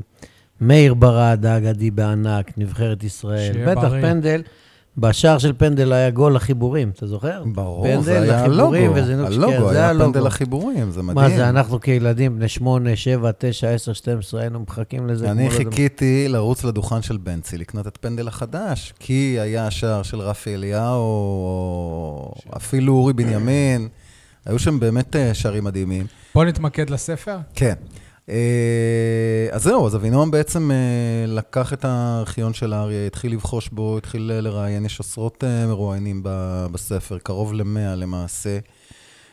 בנוסף לזה, מעבר לנושא ההיסטורי, הפועל באר שבע מאז ומעולם, כלומר מהקמתה ב-1950 ועד היום, עוד נגיע גם להקמתה הוא גם ב-1900. עוסק... לא, לא. אני רוצה לתקן אותך, סליחה. כן, ב-1950 היא נכנסה בפעם הראשונה לליגות של ההתאחדות, אבל היא הוקמה עוד לפני. אה, שנייה. זה ויכוח, יפה. לא. שחבל שאייל אבל חטב נמצא כאן כדי ישר להשאיר... על- אבל היא הוקמה עוד לפני, וגם אריה בעצמו כתב את זה. אה, זלמן כספי, מראשונה עיר באר שבע, אה, אה, התחילו לה- להכין את הקבוצה הזאת, להביא שחקנים מהשכונות, ולשחק... זה ב- אתה לא אומר מידיעה, אתה אומר כי... מה זה מידיעה? לא נולדתי ב-1949, ולא רק חקרת את ה- ב-66. את הנושא. גדלתי על זה לאורך אגב, כל הפריסה השנים. של האוהדים של היום כתוב ב-1949. נכון. ו- גדלתי על זה לאורך כל בוויקיפדיה רשום השנים. 1949. באלף ש... כי ההתאחדות לכדורגל לא קיבלה את באר שבע לליגה, באר שבע הייתה מנותקת, היה לנסוע לתל אביב, זה איזה ארבע שעות נסיעה ובדרכים לא דרכים. אבל הקבוצה קרמה עור וגידים ב-1949. עדי, לפי הספר, כן. מתי הוקמה הפועל באר שבע? יפה. אז כאן אה, אייל חטב, אה, איש אה, יקר שעזר מאוד גם הוא יכול לטעות, אתה. יודע. לא, לא, הוא, היה לנו פה באמת... אבל הוא בדק את זה. ויכוח ארוך טווח, האיש נכנס לכל מקור תקשורתי אפשרי. מי כתב על באר שבע ב-1950. ב-1948? תן לו רגע. גם לא היו מקומונים אז. מי כתב אז? אתם לא יכולים למצוא את זה. קודם כל, הקבוצה סוקרה די מתחילת דרכה, אבל אין ספק שלגבי ההתחלה, זה, אתה יודע, בסופו של דבר ישיר אה, פתח לגרסאות. אבל זה ספר לזכרו של ארי רפפורט, וארי נכון. רפפורט בעצמו, הוא הנחיל לנו את המורשת הזאת של 1949. יפה. וכאן היה סוג של ויכוח שינוי היסטורי גדול. בין, נכון, נכון, אבל היה ויכוח גדול בינו לבין אייל. בסופו של דבר החלטנו ללכת על אה, גרסתו של אה, אייל שחקר את הנושא ונכנס לכל ארכיון אפשרי, כולל זה של ההתאחדות. ובעיניי בסופו של דבר, בסוף זו סמנטיקה. האם הרעיון אה, עלה כבר ב-1949, או הביצוע קרה ב-1950, מה קובע? זה לא באמת מה שמשנה. מה שמשנה זה שאי שם, בטווח שבין 1949 ל-1950, הפועל באר שבע התחילה לקרות, ואכן, כמו שמשה ציין, ההתאחדות לא קיבלה אותה, כי באר שבע הייתה מקום רחוק ומסוכן. במשך אה, ארבע מסוכן? שנותיה... למה מסוכן? פדאיון. אתה יודע, פדאיון, וואלה. גבול. אה, אנחנו לא מדברים, אגב, אתה יודע, גם היום אפשר להתייחס לבאר שבע, מי שרוצה, כמקום מסוכן, אבל מצד שני גם חיפה באותה מידה היא מקום אה, מסוכן. ככה ג'ידה מתייחס לזה. כן, צודק, אגב. אנחנו ממש אה, תחת סיכון גבוה. anyway, בסופו של דבר הקבוצה התחילה לשחק באופן סדיר רק מאוחר יותר, ב-1954. ארבע השנים הראשונות עברו לסירוגין במשחקי ידידות, ופה ושם משחקים תחת אה, הדגל הזה של, ה, של ההתאחדות, אבל לא באופן קבוע. ספר לנו על עוד uh, קצת uh, קשיים, או על העבודה עצמה על הספר, כי אני מתאר לעצמי שבאמת uh, זה לא פשוט. למרות שהיה לכם חומר רב, תשמע, לכאורה אתה מתייחס לזה בתור המובן מאליו, אבל אז אתה מקבל איזושהי תוצאה שאתה אומר, אה, רגע, היה משחק נגד ביתר כפר סבא בשנת אלף, סתם, דוגמה, כן? בשנת 1952, ואתה צריך לוודא, והתוצאה הייתה כזו וכזו, ואתה צריך לוודא מה בדיוק הייתה התוצאה. רגע, למה? אבל בספר יש את כל התוצאות אין של את כל הפועל באר שבע. התוצאות, אבל כן יש התייחסויות למשחקים ספציפיים, ורמת הדיוק שאפשר להגיע, יש דברים שאין, לא קיימים בגוגל. סבבה, כל הכבוד לגוגל, שמעתי זה אחלה דבר, אבל עדיין חלק גדול מהנתונים ומהדברים שקשורים בהפועל באר שבע, כולל אה, זה שיש לנו רשימה שאייל טרח עליה במשך, אה, אני חושב, שנים, ופורסמה לראשונה, של כל השחקנים ששיחקו אי פעם בקבוצה. אה, ושהוזכרו במשחק, שוב, שיחקו במשחק רשמי, לא משחק ידידות. זאת אומרת, עדיין יוני אליאס לא, אתם לא עושים נכנס עוול לצורך לארי הקטגוריה רפפורט הזו. האגדי. ארי להפך, רפפורט, למה עם הספר? שלו ב-1988, כן. שאני גם הייתי שותף לו בקטנה, הוא פרסם את הקטלוג של שחקני הפועל באר שבע מיום הקמתה. לא היה שם את ה... לא הייתה הרשימה כל. השחקנים לא, לא, לא, לפי לא. א', ב'. לא, חד משמעית לא. אני אומר לך, יוסף, התשובה היא חד משמעית לא. איך אתה אומר על אייל? אז אייל אמר, אז גם אייל יכול לטעות. יכול. השחקנים הבולטים ששיחקו, ארי עשה עבודה מדהימה, אבל לא הייתה שם את הרשימה המלאה. יש ממש רשימה שמית מלאה של כל מי ששיחק, ולו אפילו חמש דקות אני במשחק יכול בליגה ב'. להגיד, כן. הסתכלתי על אה, הרשימה הזאת, ויש שם כמה שחקנים שלא רשום בדיוק על ההופעות המתועדות שלהם, אבל ידוע שהם נכון, כן שיחקו. נכון, נכון. ואחד השמות שצץ לי, מהמם. זה בן, זה בן אדם שהיום הוא כבר לא בין החיים, והוא היה מטופל שלי לפני כמה שנים, ופתאום צץ לי השם הזה, ואני אומר, בואנה, אם היה את הספר אז, אני הייתי שואל אותו, הייתי מבקש ממנו תיעוד, משהו, כי אני בטוח שהיה את זה, סתם משהו ש... לא, אבל אני אומר, יש הרבה דברים לגבי מה שאתה אומר, זה שתוך כדי אה, עבודה הבנו שאנחנו כנראה לא נוכל להגיע לאמת המוחלטת שלהם, באמת כי אין אה, תיעוד לגביהם, ואז אתה צריך להסתמך על אה, כל מיני עדויות של אנשים ששמעו. חלק מהאנשים בכלל לא נמצאים בין החיים. כן הצלחנו להגיע לאחד מוותיקי הקבוצה, חיים ליבוביץ', בן ה-84, אם אני לא טועה, ששיחק בקבוצה שבעה משחקים באזורי השנים 1952-1953.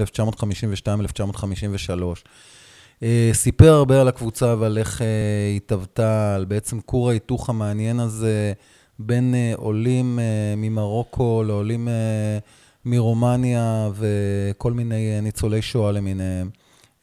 בסופו של דבר, עצם הקמת הקבוצה ומגרש החול שנמחק לפני אחד המשחקים בתחילת שנות ה-50, מה זה נמחק?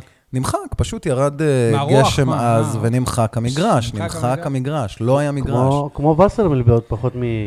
בעצם לא יודע, אולי יאריכו את זה בעוד שנתיים. כן, וסרמיל זה, זה מין נס כזה, אתה יודע, זה אף פעם לא יקרה, תמיד מדברים על זה, ואנחנו נשב פה בעוד עשר שנים ונגיד כמו וסרמיל בעוד אה, כך וכך. רגע, יש לי שאלה, שנייה. כן. מה שכן אפשר לפי הרשימה המלאה.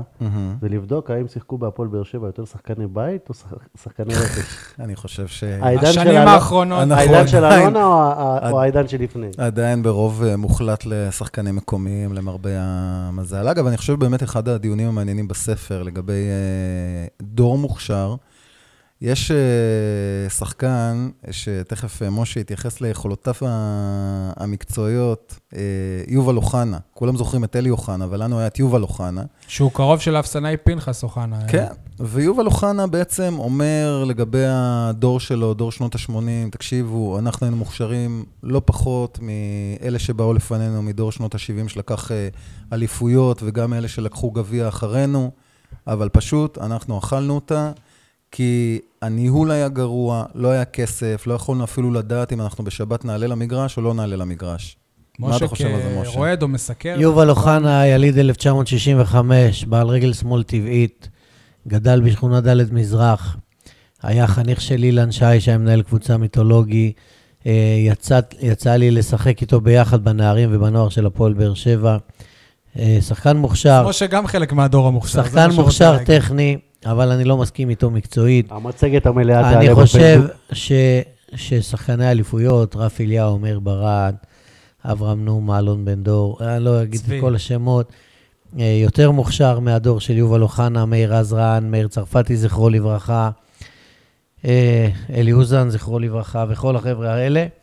אבל נכון מאוד בקטע הניהולי, זה נכון מאוד שהם נקלעו לתקופת אה, אלי ז'ינו, שהיה ניהול שערורייתי, מה ניהול... זה- מה זה תקופת? שנייה.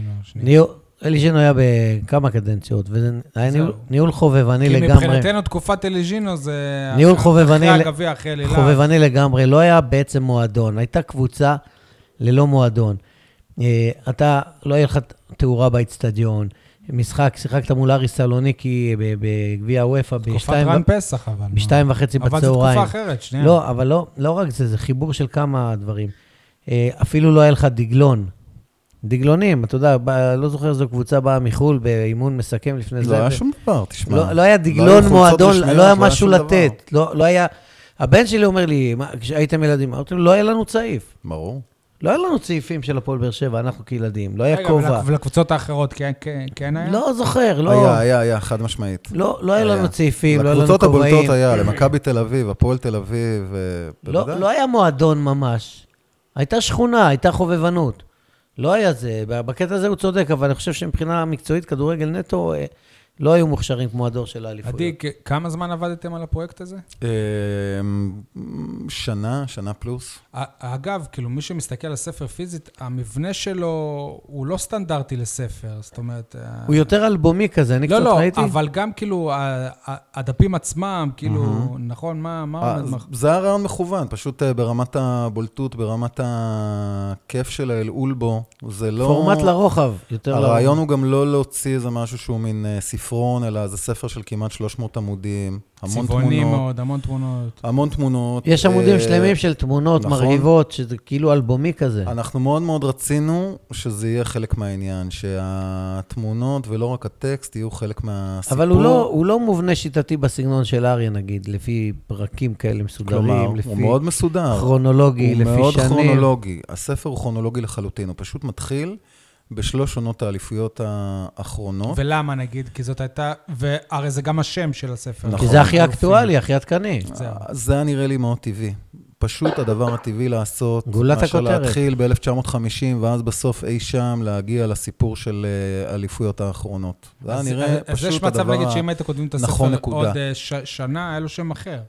לא, מבחינתי לא. מבחינתי הפועל באר שבע, כן, עצם המונח הזה, אלופים, זה באמת הסיפור של הפועל באר שבע. הסיפור הזה של תקומה, הסיפור הזה של מקבוצה שבאמת נכשלה פעם אחר לא, פעם, אבל, שוב אבל ושוב. השאלה אם התקומה, אתה יודע, אנחנו, זה ספר שהוא כן. כאילו היסטורי ובראייה היסטורית, יכול להיות שהתקומה הזאת היא זמנית, יכול להיות. אבל הכל יכול להיות בעניין כן. הזה, אתה יודע, אנחנו מסתכלים פה לא בראייה של אוקיי, בואו, מה נחשוב עוד 100 קד... שנה קדימה, כי אז אתה גם לא יודע איפה הביטלס או הרולינג סטונס יהיו כן. מבחינתך, ותגיד, בעצם היו הרכבים הרבה יותר חשובים, שהרבה יותר שינו. שהגענו את לזה, העולם. כאילו. לא, אבל תשמע, בסוף זה ככה, כי אני חושב שהפרספקטיבה שלנו, ו- ו- וכן, אני חושב שבמובן הזה להוציא ספר על הפועל באר שבע זה דבר שהוא מהותי. וב- למה?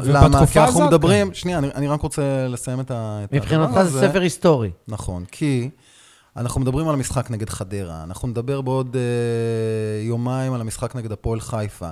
מדברים באופן נורא נורא נקודתי על כל משחק, אנחנו יודעים כל כך הרבה אינפורמציה על כל תנועה של אה, ג'ון אוגו נגד אה, קריית שמונה כזו או אחרת. בסוף, דבר כזה כמו ספר אמור לתת איזה סוג של, של פרספקטיבה יותר אה, משמעותית מאשר אז- עוד דיון כזה או אחר על משחק לכ, כזה או אחר. לכן יש כאן חטא, סליחה שאני אוקיי. אומר ככה, בספר הזה זו שאלה ששי כתב, אבל אני אעז לשאול אוקיי. אותה. אם כך, למה התעקשתם להכניס את סגל השחקנים של הקבוצה, של העונה הנוכחית, שהוא הוא משתנה בצ'יק, והרבה מאוד ממה שכתוב כאן הוא כבר לא, לא נכון. יש שם תשמע. שחקנים נגיד כמו שמואל שיימן, אם אני לא טועה. אגב, זה- וזה החלק שאני עשיתי בספר, ובאמת, תספר על זה השיקול חלק- הזה. זה זהו, חלק מה, מהדיון שהיה כשאנחנו בעצם ערכנו את הספר. אנחנו בעצם רצינו שהספר יהיה עדכני עם uh, צאתו. כמובן, לצערנו, לא יכולנו לקחת... Uh, מה אמרת? עדכני בחשבון- עם עד... אבל ספר הוא נצחי והוא בראייה היסטורית, אז ואתה לא יכול להיות... ספרים, להיות ספרים חדשותי לא, איתו. תראה, ספרים לא יכולים להיות uh, נצחיים בהקשר הזה. בהקשר של... אה, הספר של ארי רפפורט, אני אומר לך, הוא נצחי, אז הראשון. אני אומר לך שאתה רואה הוא את זה... מבחינתי תנ"ך אז אני בספרייה אז שלי, אני- השתמשתי בו. שכתב בו. אז אני רוצה... לא, לא בגלל זה, השתמשתי בו כעיתונאי, ככתב, אני רוצה, עשרות פעמים. אני רוצה לומר לך בהקשר הזה באמת, ויש לי הרבה מאוד כבוד לעבודתו של, אה, של אריה, שגם שם זה לא נצחי בסופו של דבר, כי יש דברים שהם ברי שינוי, הם משתנים תוך כדי תנועה, וגם כשאתה כותב עליהם וכותב אותם, גם אם מתועדים בספר, בסופו של דבר אתה לא יכול להיות, לדעת ולצפות מה יקרה אחרי שאתה מניח את הספר בדפוס. ואגב, למשל, טוני ווקמה, ההכרזה לעזיבותו את הקבוצה, קרתה ממש שהספר ירד למכבש הדפוס. התבאסתי נורא, אבל לא היה מה שלחת לעשות עם לי, זה הרי- כבר. הרי למח- הרי הייתי בקפריסין, הוא עזב כן, ביום חמישי, וביום שישי אתה אתה שלחת לי סרטון מהדפוס, אני ראיתי כן, את זה עוד שם. כן, כן, כן, כן. אז זה ממש ככה. אני אה, יכול לתת עוד דוגמה, כאילו, תלוי את מי שואלים. Mm-hmm. ברדו ברדה, מי השחקן הכי טוב בכל הזמנים?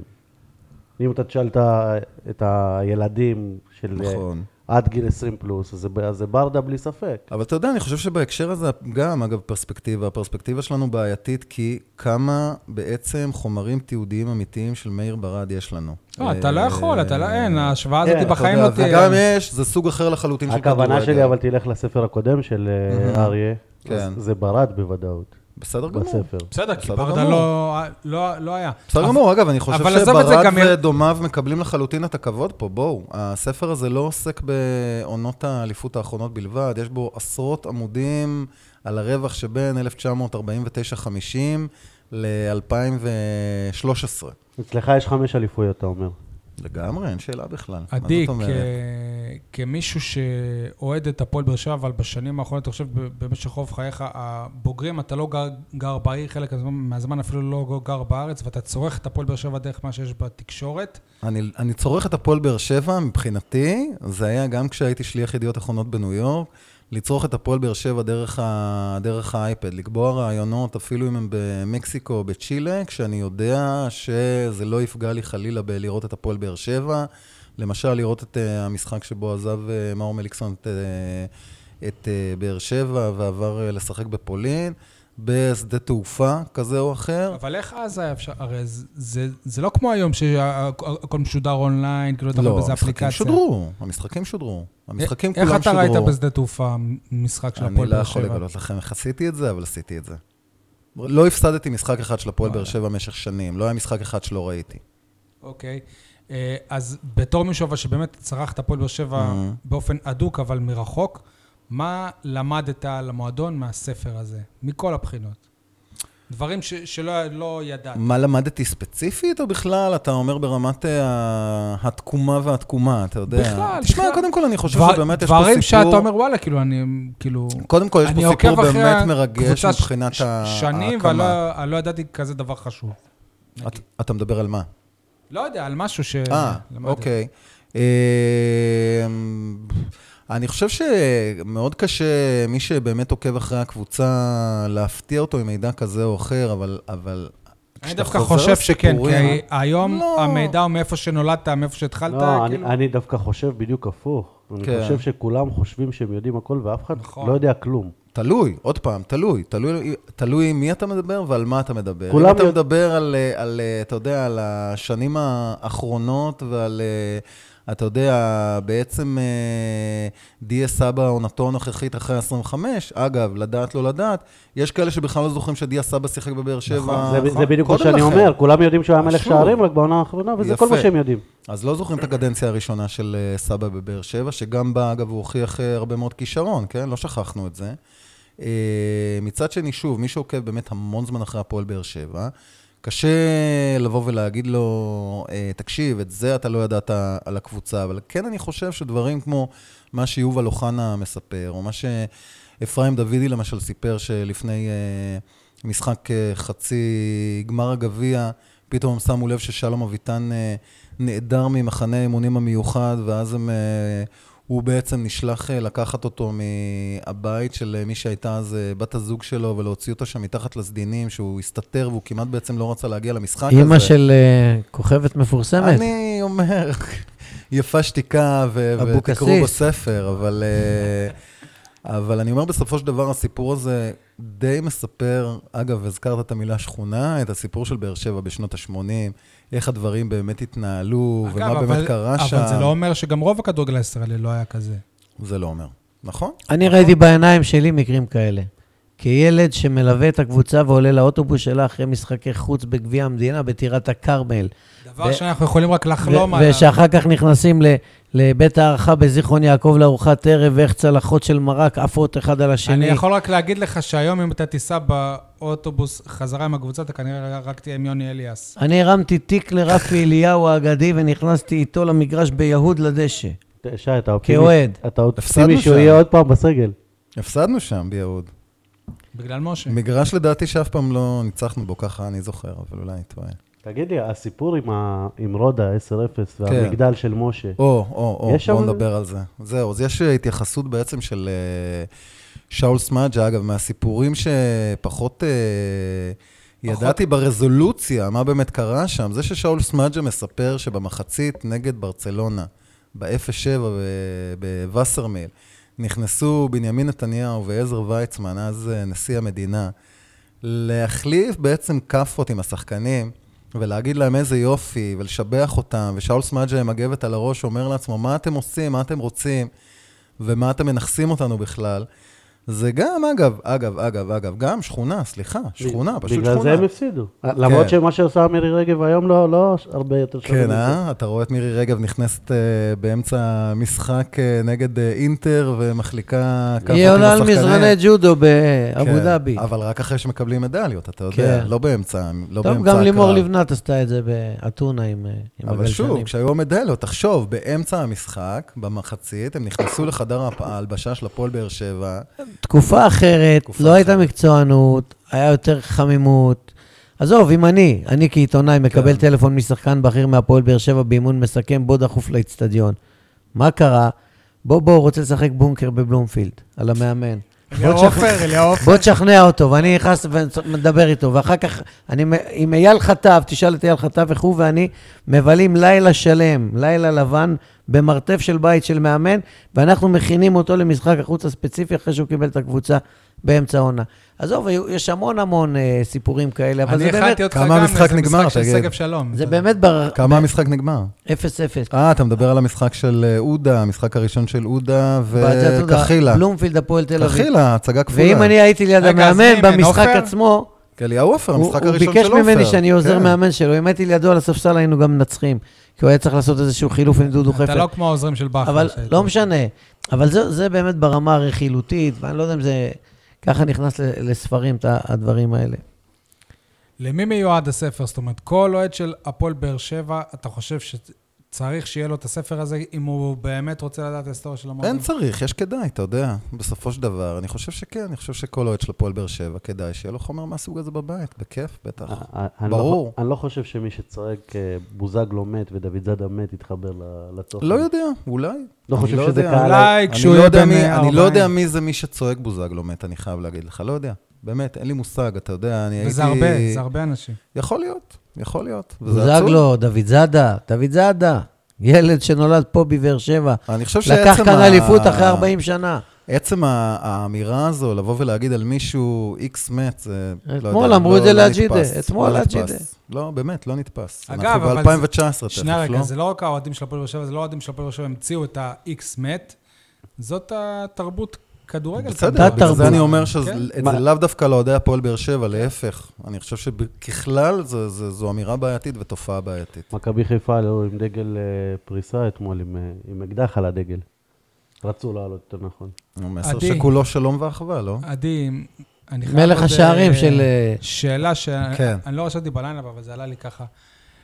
עבדת שנים במע- במע- במערכת תקשורת שהיא גדולה, מה ש- מה שנקרא מערכת אה, תל אביבית. איך זה לעבוד, אתה אתה יודע, שכולם אוהדי מכבי, הפועל, לא, רז שכניק, כן. כאלה, ואתה כאילו אצל איזו קבוצה מסכנה. אבל חשוב לציין שבתחילת דרכו, כמו הרבה גדולים בתקשורת הישראלית, הוא היה בשבע גם. נכון, ברור, התחלתי שם. לגמרי, בגיל 13. האם זה נכון שבאמת התקשורת היא מכביסטית, היא הפועל, היא... תשמע, יש גם אה, אוהדים של אה, קבוצות אחרות בתפקידי מפתח בתקשורת הישראלית. יש אה, גם אוהדי הפועל באר שבע, אתה יודע, אם אנחנו מדברים נגיד על נד- נדב יעקבי שכתב טור בספר. אתה יודע, אוהד הפועל באר שבע, דני קושמרו, אוהד הפועל באר שבע. צביקה הדר. כן, אני מדבר אבל על אנשים שמתעסקים כן, בתקשורת באופן. אה, יומיומי. אה, ברור אה? שמעצם זה שאתה נמצא במרכז הארץ, אז אתה תפגוש יותר אוהדי מכבי סלש הפועל שנמצאים, הפועל תל אביב, שנמצאים בתפקידי מפתח במערכת כזו או אחרת. אבל אה, אני חושב שלאורך שנים לא היה דווקא איזשהו אנטגוניזם להפועל באר כי שבע. לא היה למה גם. בדיוק, כי אני לא חושב הייתה סיבה. שפתאום הדבר הזה קרה. בשנים שגנבו להם את האחרונות. הליגה, גנבו להם את האליפות, כאילו... מה לא- פתאום באר שבע העזה לעשות כן. דבר אבל אני כזה, גם לקחת חושב אליפויות? שזאת הייתה סוג של אה, יציאה המונית מהארון בשנים האחרונות של אוהדי הפועל באר שבע. כלומר? הסלבס.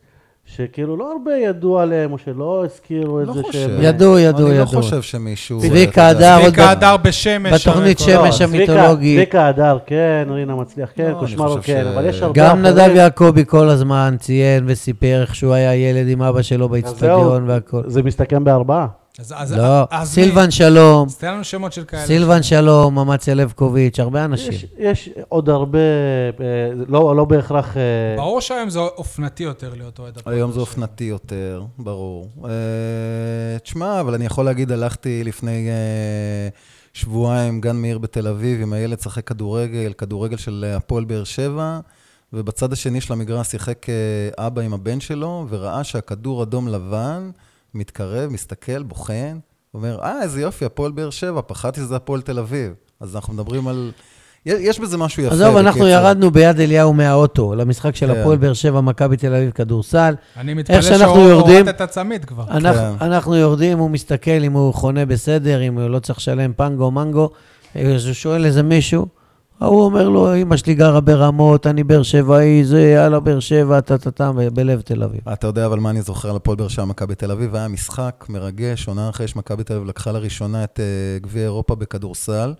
מכבי הגיעו לשחק נגד הפועל מקיף באר ד' שבע. הישן. מקיף ד' העתיק, הישן, עתיק. איפה שהיום דניס הישרדות, עם הגיעו מיקי ברקוביץ', עם אולסי כל הגדול- פרי, אז זהו. אולסי פרי לא שיחק אז לדעתי. היה גביע היה המדינה. אסור לו, אחד-אחד, חבר'ה. כן, היה אסור לאולסי פרי לשחק, שיחקו נגד הפועל באר שבע למה בכיכוב. אסור? מה, זה משחק... כי מבחינת אמריקאים זרים היה אסור. למה, זה עוד- משחק רשמי? לא- גביע המדינה, גביע המדינה. מכבי תל אביב נגד הפועל באר שבע, חבלים. של הצופים מסביב ל...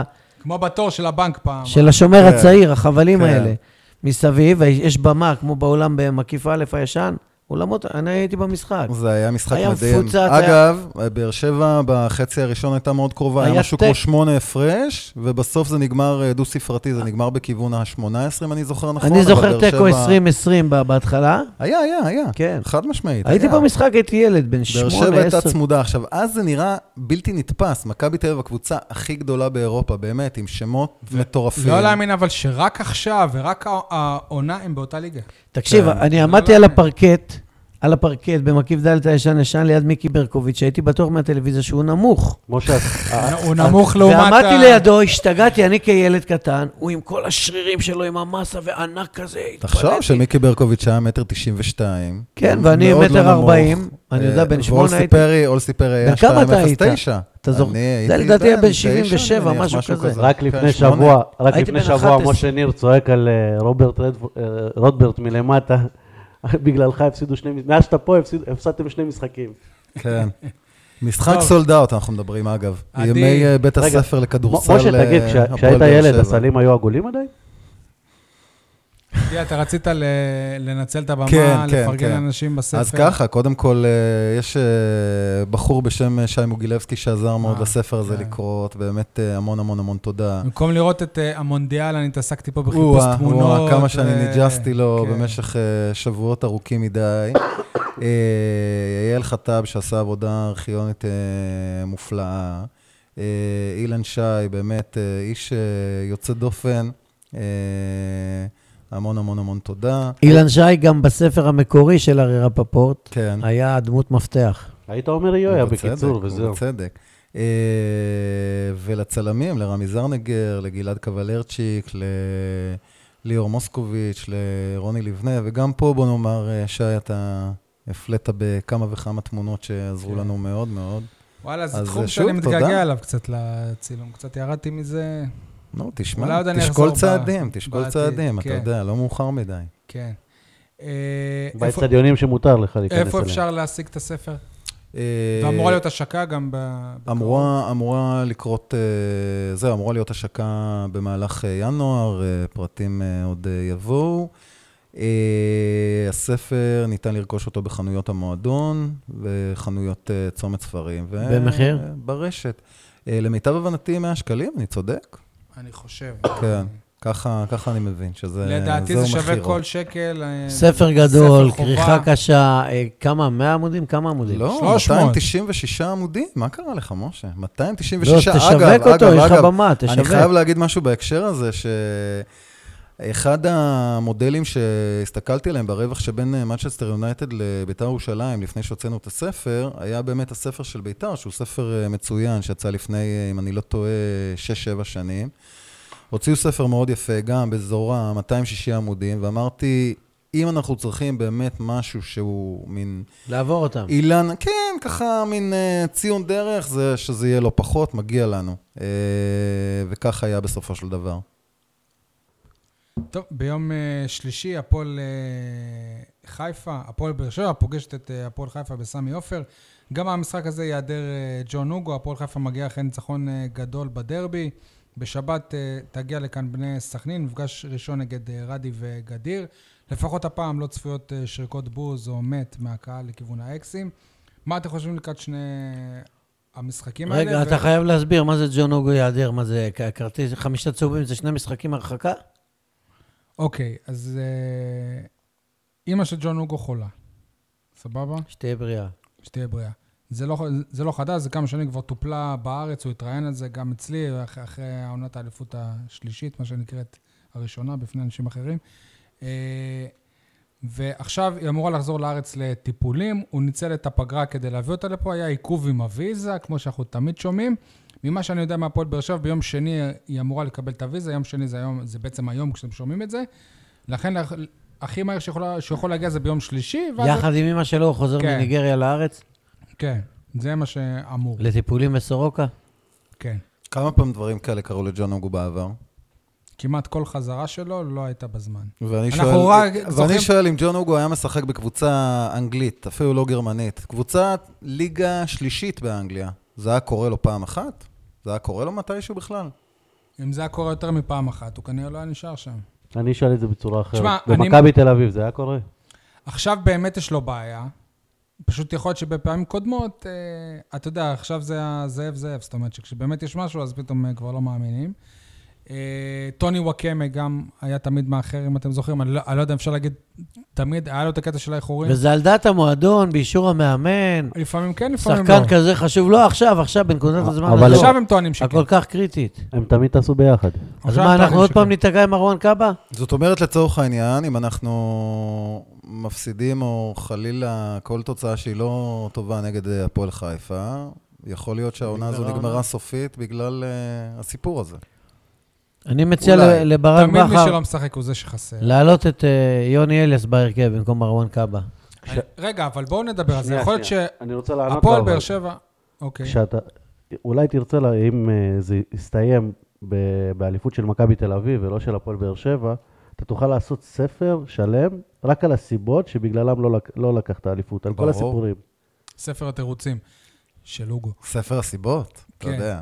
אה, י- הפועל באר שבע כרגע בעיצומו של משא ומתן עם ג'ון אוגו לגבי הארכת חוזה. ברור שהוא יכול לעבור למקומות אחרים, בעולם כנראה, ולקבל יותר כסף. בטח כשהוא עכשיו שחקן הרכב בניגריה. ויכול להיות שהפועל באר שבע מעלימה עין כדי לתת לו את התחושה, הנה תראה, אנחנו עוזרים לאימא שלך, אז גם אנחנו משלמים פחות, פה אתה קיבלת דברים שהם מעבר, ושווה לך להישאר. יכול להיות. מה שאתה. טוען זה בגלל הכסף? מה? יכול להיות שבגלל הכסף? מה בגלל הכסף? כי הרי הם לא מציעים לו בדיוק את השכר שהוא, שהוא רוצה. אנחנו נותנים לך קצת מעבר, אז אתה תבוא ב- ל- לקראתנו. כן. תראה, הרי ברור. שבסופו של דבר הוא מקבל בבאר שבע דיל ייחודי. הדיל הייחודי הזה כולל באמת אה, אלמנטים שהוא לא יכול אה, כנראה לקבל אותם במקומות אחרים. הנה, החלוץ של אה, ביתר אה, ירושלים, אהרון אה, אולנרה, איחר שבוע, שבוע שעבר מחזרה מניגריה וכנסו אותו. ו- והיום הוא הורחק. וואלה. אז אתה רואה, זה לא טוב קנסות. גם בלי ג'ון? אוגו הכל כך חשוב, הפועל באר שבע צריכה וחייבת לנצח אה, בחיפה את הפועל חיפה. גם בלי זאת חנן משימה ממן. קשה. חנן ממן אה, צריכים להחזיר אותו מהר, כי זה סתם ש- שחקן טוב מאוד שהולך לאיבוד. ואני לא מבין על מה ולמה, מה, המאמן אומר... מה הוא פשע אם- ומה הוא אז אני חטא. אסביר לך. אם כן, המאמן אומר לי. עכשיו, א' כל, המאמן עשה שבוע שעבר, לפני היציאה למחנה אימונים, אספה על, על כל מיני עבירות משמעת קטנות, שהוא אמר שמעכשיו אני אראה אותן כעבירות משמעת גדולות. מבחינתי עכשיו אין, אין, אין יותר עבירות משמעת. ואז מגיע האימון, וברק בכר טוב, עושים עכשיו תרגול של פנדלים, וחנן ממן שבראש אומר, מה הסיכוי שאני אבעט פנדלים, אני לא אמור לפתוח בכלל. אז לא בועט, הולך. אז, הולך, נוטש את האימון, עוזב כן. באמצע. כן. זה נראה לך? מה אתה כמ... כמאמן, אבל לא, נקודתית, כמו שאתה אבל לא מצייר את זה, כמאמן של עומר, אלא כמאמן של הפועל באר שבע נקודתית. כמו שאתה מצייר את זה, אז זה לא תקין לחלוטין. אבל אה, זה שחקן שפשוט הרגו אותו. השאלה בדיוק, השאלה היא יותר רחבה. בעצם, מה לא- קרה שאת השחקן הכי טוב בארץ עד אה, מאי 2018, הפכו לשחקן מיותר לחלוטין בהפועל באר שבע כעבור אה, חצי שנה. זאת אומרת, איך בעצם הצליחו לפרק מיליארדר מנכסיו תוך אה, חודשים ספורים? אתה יודע, יכול להיות שהמיליארדר עשה גם אה, השקעות שהן אה, לא נכונות ולא נבונות, ובזבז את הכסף שלו. ו- ובמקרה הזה, כאילו, מה שאני אני מבין, גם אם אני מסתכל לאורך הקריירה של חנן ממן, כשהוא לא מרגיש שהוא בנקר בהרכב, הוא לא יכול ל- לתת את המאה אחוז שלו. אבל אולי הוא באמת צריך להיות בנקר בהרכב, כמו שהוא היה שנה שעברה. כי חנן ממן, שנה שעברה, אמנם היה... הוא שובר שוויון. זה הביצה והתרנגולת, זאת אומרת. אם הוא לא יהיה ככה, אז הוא לא יהיה ככה. אני אגיד לך, אבל ההבדל בינו לבין דיה סבא, למשל, שאצל דיה סבא, ההצטיינות באמת באה בתנאים מאוד מאוד מיוחדים. אתה אומר, דרפיץ' וברדה מצד אחד, ערן לוי. ערן לוי, עונה מאוד ספציפית. של מכבי נתניה, התלהבות מאוד גדולה שהם חזרו ל... לליגה וכולי וכולי. אבל חנן ממן, שנה שעברה נתן את מה שתמיד ציפית מחנן ממן, וסוף סוף התחבר הוא היה ביחד. הרכש הכי טוב אולי שהגיע להפועל באר שבע יפה. בינואר אי אי פעם. ואני אומר גם אולי. מעבר לזה, ברמת הערך המוסף שברק בכר אה, אמור להביא, מנהל הרי אמור להוציא מהאנשים שתחתיו את הטוב ביותר. אז איך הוא הצליח להפוך אותו עודף לשחקן כל כך שחקנים, מיותר? אנדרלמוסה שלמה, זרקו והביאו והביאו וזה, ויש כמה מיותרים שצריך להעיף אותם כדי לפלס דרך שאל- לאחרים. שאלנו את אה, ברק בכר במסיבת עיתונאים. אחד והוא- האלה זה חנן ממן בעצמו. והוא, אמ- ברק בכר אמר... ש- כן, יניב, אתה חושב שאין לו מקום בהפועל באר שבע? כן, זה מה שהוא? חשב מהרגע תראה, יניב הראשון. צפה את זה מההתחלה, לזכותו ייאמר שאנחנו בכלל לא הבנו על מה הוא זה מדבר. לזה? זכותו ייאמר, אבל חנן ממן כן הביא לך... לא, הוא אמר שהוא מתחיל מצוין בכל מקום, ואחר כך יש לו דעיכה גדולה, והוא גומר באיכסה. ו- זה נכון. ועוד דבר שאני אמרתי, שכשכולכם אה, תפסתם ממנו שחקן העונה, וזה נכון אז שבאמת... תפסנו ממנו, הוא היה שחקן העונה. בסדר, הוא. קיבל, נכון, עובדתית הוא קיבל. אבל, ועובדתית גם הכדורים נכנסו לו. אבל על המגרש הוא לא היה אחד הטובים. פשוט הכדורים נכנסו לו. פשוט אבל הוא אתה יודע, את אתה גם יכול להגיד את זה לערן בכדורגל. זהבי, אתה יודע, זה נכון. קצת מצחיק הדבר הזה. בסוף, אתה יודע, זה כאילו אתה אומר... העבודה שלו זה להבקיע, כן. הוא עשה אותה פיקס. אבל אה, ערן זהבי, לפעמים, גם כשהכדורים לא נכנסים לו, הוא עובד. ואתה מרגיש את התרומה שלו. אני לא יודע, אתה יודע, לגבי... העונה, העונה, הכדורים לא נכנסים לחנן אוקיי. ממן, ואתה מקבל את אותו שחקן של שנה שעברה, ש-90 דקות אה, כמעט ולא עושה כלום על המגרש, אבל גם אין לו את ה... את הגול הזה מהספסל. הכדורים לא יכולים להיכנס לו. למה אתה צועק? כמה? כי זה מעצבן, כמה הוא שיחק. הוא שיחק. בדיוק, כמה הוא שיחק. כמה הוא שיחק? מה לך נתנו לו? שכל. שתי דקות צריך להסתכל על הספסל אם מוציאים אותו החוצה. לצורך, לא- לצורך העניין, ניב זריאן, רצו לפלס מקום לאסלבנק משה, והכל, והעיפו אותו. לצורך העניין, ניב זריאן, שאתה טוען שכבר צריכים להעיף אותו אה, מזמן, אז חנן ממן קיבל יותר הזדמנויות ממנו, ושיחק יותר ניב גרוע. זריאן וגם הוכיח לאורך. דרך ארוכה. חנן ממן שיחק יותר גרוע מניב ניב זריאן. זריאן. העונה, העונה. ניב זריאן, זריאן. מה ניב זריאן עשה העונה? איזה מהלך טוב אחד ניב זריאן עשה הוכיח? לאורך דרך ארוכה שהוא לא מתאים ברמתו לקבוצה שהיא במקום הראשון בטבלה. חנן ממן הוכיח לאורך הקריירה שלו שהוא מתאים חנן רק- ממן הוכיח, רק לתחילת הוא היה גורם מרכזי באליפות של השאלה אבל. עדי, מה עושים עכשיו? אנחנו רואים שחקן שעל פניו נראה שמפגין סוג של חוסר חשק באימונים. מה ברק בכר צריך לעשות? האם דווקא את השחקן... להזניק אותו להרכב הפותח, לעשות איתו שיחה, לתת לו את כל הביטחון בעולם, אגב, ברק בכר היה גאון בזה, הוא עשה את זה למיכאל אוחנה, נכון. הוא עשה את זה למאור בוזגלו. ולהגיד לכל השחקנים, ממן ועוד עשרה.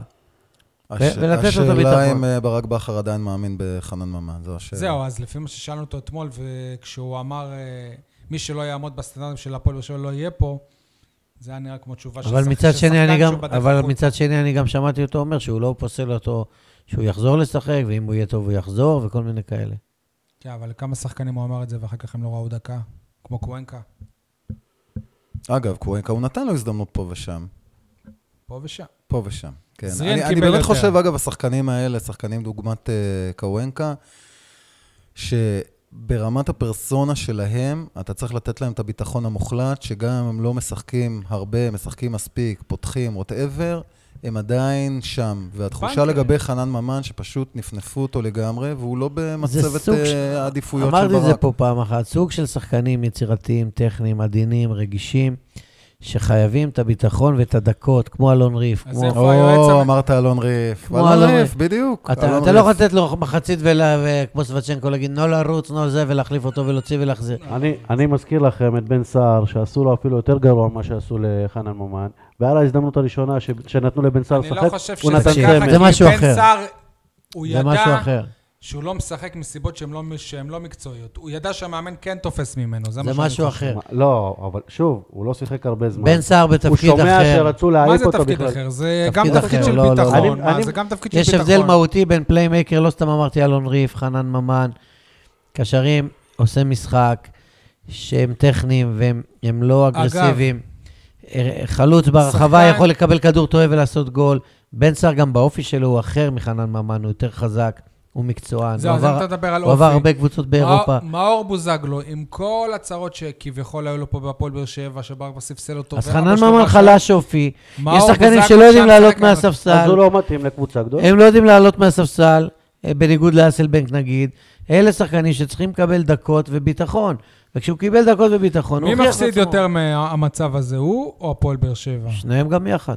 אני חושב שהפועל באר שבע יותר, כי הוא יוכל למצוא קבוצה ב- בינואר בלי, בלי כל קושי. כבר אה, נרמז שיואב כץ רוצה אותו חזרה להפועל חיפה. ומה עם לא מכבי חיפה, ומה עם. בית"ר ירושלים? כן. אה, לא כמה- חסרות. מכבי תל אביב גם. כמה קבוצות, למה לא? כמה קבוצות ישלמו לו את השכר שהוא, שהוא מקבל פה, זה א', כמה קבוצות בארץ יש שהולכות ל, לתארים בארץ. אני לא הייתי. ממהר להיכנס לדיון הזה ולהיפטר ממנו, אני חושב שצריך למצוא את הדרך להחזיר אותו ל- לשורות. זה אומר שאתה מושיב או את אסלבנק או את מליקסון, עוד פעם או את דיה. סבא על הספסל. זה חשבונות, שני שחקנים שש, ששילמת להם סכום שיא, אתה לא תושיב אותם על הספסל. אז בוא נזרוק עוד אחד, כי מיכאל אוחנה צריך לחזור. איזה שינויים אתם עושים לקראת המשחק הזה? אני חושב ששיר צדק אה, הוא יחזור. למה? במקומי, בוא. לחזור זה תמיד קל, במקומי. אני אעלה פה משהו שלא בטוח שזה נכון, אבל ברעיון שעשית עם חתם בעיתון 7, הוא אמר שהוא עוד לא החלים מהפציעה. ושלושה משחקים בשבוע, יכול להיות שיתוכנן לו איזו אה, מנוחה, התחיל ולא, רוטציות. ולא בגלל מקצועי. יכול להיות זה שלושה משחקים בשבוע. יכול להיות פתאום שאורן ביטון, אה, הוא, יקבל דקות אולי נגד סכנין או נגד הפועל חיפה. אסלבנק, אני חושב שחייב לפתוח כבר, כאילו, אין פה... לא, לא חייב. זה מה שאני חושב. אתה אה, רואה מצב של אה, שלושה בלמים נגד הפועל חיפה? זה מה שמשה מקווה. אני חושב. שטוב שהפועל חיפה ניצחה אתמול את מכבי חיפה, ובגדול, היא קבוצה לא יציבה, היא תהיה באופוריה, והפועל באר שבע, איך אמר אה, ברק בכר, טוב שיש לנו משחק עוד שלושה ימים אחרי שפישלנו פה מול חדרה, כי נרצה לבוא לתקן את מה שקלקלנו. אני חושב שאנחנו ננצח אותם. אה, נסיים את הפרק של הכדורגל, עכשיו נעבור לפרק שבדרך כלל אנחנו לא מדברים עליו, אבל אה, בפעם הראשונה אחד מהפאנליסטים שלנו היה במשחק של אה, הפועל באר שבע, ב- של מ"כ באר שבע בכדוריד, וזה אני, הייתי ביום שישי עם הבן של איראן, אנחנו ב- בפעם הראשונה של, של שנינו ל- אני יכול ללכת לעשן בינתיים? בזכותי, לא? לעולם תיכון. כן, גם אתה הדלקת אותנו ובעצמך לא באת. אמרתי שאני לא אבוא, אני מאמן כדורגל, יש לי משחק, מה אתה רוצה שאני אעשה, אברח? לא, קיווית שיהיה גשם. קיוויתי, לא היה. אה, מ"כ באר שבע עם ניצחון שלישי ברציפות, וניצחון גם שלישי בכלל לעונה, ניצחון חשוב, הנועל את הטבלה, הפועל רמת גן. ועלייה בטבלה בצורה מטורפת, כבר לא, לא בתחתית, לא באזור של ה- לפלייאוף הם אפילו. עדיין בתחתית. לא, לא. מעבר ל... מעל הקו האדום. 33-24, נהנינו מאוד. הפועל, הפועל באר שבע, שוב זה יצא לי הפועל באר שבע, הפועל באר שבע, הפועל באר שבע, עד שיתפס לי המ"כ הזה. אה, היו דומיננטיים יותר לכל אורך אה, המשחק. ראינו בעיניים עד כמה מילוש, ה- מילוש, האורח שהיה לנו כאן, מ- מילוש בוישיץ', הסרבי. עד כמה הוא דומיננטי בקבוצה, הוא אה, מנהיג את משחק ההג- ההגנה עם עוד שני סרבים. בהתקפה הוא. הוא חצי מאמן, הוא אומר לשחקנים איזה תרגיל לעשות, ומתי בדיוק להתחיל את. את התרגיל, והוא כבש גם אה, תשעה שערים, אני לא יודע, זה שערים בכדוריד? כן, גולים. שערים, שערים, גולים. בטח. זה מפתיע איך שינוי אחד בקבוצת כדוריד, או למעשה שני שינויים עם השוער. לוקחים קבוצה אחרי חמישה הפסדים רצופים, ופחד שיגמרו את העונה עם אפס נקודות וירידת ליגה בצ'יק, פתאום שלושה ניצחונות ואתה למעלה מעל הקו האדום, מדהים. הייתה אווירה באמת אה, טובה. כמה אנשים- קהל היה? אה, 50? 100 אולי. אה. אגב, אתה, אתה מוביל אותי עכשיו ל... אייל חטב היה במשחק? לנקודה- לא, הוא לא היה. כי הוא שאל אותי, מה, אני צריך לשלם וזה, ואני... י- יפה, אז א', א' כל כן, אני חושב שצריך לשלם לקבוצה ב... בליגת ליגת העל. בישראל, ואז אני בא לכניסה ויש כזה שולחן עם כמה נערות אה, חמודות, ומסתבר שאתה לא חייב לעצור בשולחן ולשלם, אתה יכול פשוט להמשיך. אני שילמתי על אה, הבן שלי, ואני כאילו התפלחתי כמה? כעיתונאי, אז כמה אה, שילמת? 20 שקל על אה, רן. זה זה 20 כרטיס, אתה. מקבל כרטיס, כרטיס, כן. 20 כדור. אבל רוב האנשים לא שילמו ולא כלום. ואני הלכתי לרוני טסלר, היושב ראש, וכעסתי עליו.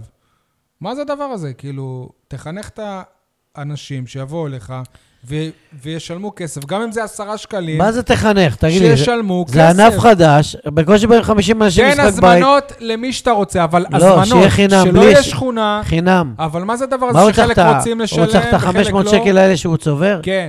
לא, שיהיה כי חינם. שנה הבאה, כשהוא יחליט... תזמין אנשים למשחק. המועדון הזה קיים בזכות תרומות, אין להם כל כך הרבה כסף. אני חושב ש- שכל מי שבא יכול לתרום את העשרה שקלים, וילדים, אם אתה רוצה להכניס אותם חינם, תחלק להם אז אה, תרומה, הזמנות. תרומה, אתה יודע מה עשו בהפועל ערד כדורגל? נו. בימי שבת שהם משחקים? נו. היה עובר עובד כהן המהולל, עם קופה של הבית כנסת, בין האוהדים ביציע. ומי שהיה רוצה היה שם לו בקופה, ככה, כמו, זו תרומה. אבל לא להציב בכניסה, כן נכנס, לא נכנס. משה, אבל גם בחינם אתה לא מגיע. אני הגעתי למשחק הראשון, להזכירך. אני חייב... המשחק ההיסטורי מול נס ציונה אה, בהפסד. אתה אז אתה היית, אז אני לא... בטח לא שהייתי. הפאנל- אבל הוא אמר שהוא הפאנליסט הראשון. בטח שהייתי. אז למה לא תיקנת אותי? טוב, יש אה, שחקן, דיברנו על זה גם. בחור בשם אה, טל טלפר, בן 20 אה, וחצי. מערד. מערד. מערד. הוא אחד השחקנים הבכירים בקבוצה. ראיתי אותו גם בליגה לאומית בפלייאוף לפני שנה וחצי. אני אגיד את זה בלי לפגוע, לא כמו שיניב אז דיבר על דיה סבא כגמדים, אבל טל- פאר, בחור ספורטאי בליגת העל בישראל, הוא בריא מדי. הוא והוא משחק יפה. משחק יפה, אבל הוא לא יכול כבר לשמור בהגנה, אז מוציאים אותו לכל... אה, בסדר, זה כבר עניין מקצועי של המאמן, כמה דקות לתת לו. תשמע, זה לא נראה טוב. יש לו כישרון, בסדר. יש לו כש... אתה ראית אותו, זה... ראיתי אותו זה משחק. לא ערן לוי, ראיתי זה- אותו זה משחק. הרבה יותר מערן אה, לוי, וזה בחור זה צעיר, ילד. כדוריד בישראל, אני זה לא... שאלתי את הקבוצה, יכול להיות שיש איזו בעיה רפואית או לא, משהו, זה אז לא יפה לעסוק לא. בזה, אתה גם עם השם, לא, לא חושב שזה ראוי. להתחיל להתעסק, לא, זה לא לעניין הדבר הזה. אני לא חושב שזה שזה ראוי. זה לא ש- לעניין, מה אתה עכשיו כמו שספורטאי גיא לוזון, אה, אתה מתחיל לדבר על... כן. תשמע, למה? אבל במכבי. תל אביב כדורסל, אתה יודע, קבוצה של מיליונים עשו ב... בשחור ציאנידיס, ברור, זו נכון? הייתה... שוב, אם זה זה משהו, זה- אבל אתה יודע, הבן אדם מתאמן ארבע פעמים בשבוע, ווואלה, אני- בסדר, גנים, מבנה גוף, אה, תזונה. הוא תורם לקבוצה, הוא משחק את הדקות שלו, שיהיה בריא. למראית עין זה לא- בריא. זה לא נראה טוב. לא, מי קבע שצריכים להיות רק, אה, לא יודע מה, 60, 90, 60. לא, אבל הוא לא נראה כמו ספורטאי בכלל. אה, בכל מקרה, אגב, אני נהניתי מאוד מהאווירה של שישי בצהריים, ואז אני, אני בא הביתה ופתאום בטלוויזיה ערוץ 5, ורואים את הדרבי של ראשון לציון. עולם וזה אחר. כאילו נו. עכשיו שהייתי במשחק של ליגה א' בישראל בכדורגל, ואני רואה עכשיו משחק של צ'מפיונס ליג. זה לא להאמין שזה כאילו... בסדר, שם יש מסורת של. עשרות. שנים, זה משהו אחר. בהקשר הזה בעיניי זה דווקא על הכיפאק שהמשחקים הם בחינם כרגע, כמו מבצע היכרות אה, לטובת אה, מוצר שהוא בתהליך חדירה. תחלק, אבל לא יכול להיות א' כל שבעולם הזה גם אין קופה מסודרת. הם לא משווקים את המשחקים, אף אחד לא יודע מול מי ומתי המשחקים מתקיימים. עיתונאים שרוצים לבוא, אין להם איפה לשבת. האולם לא ממש מותאם ל- למשחקי כדוריד, זה אולם של תיכון, אמנם חדש, אבל. זה לא זה. אני רוצה לדבר על, ה- על האולם, אולם אה, חדש. אחרי המשחק הראשון דיברנו פה על. הכל.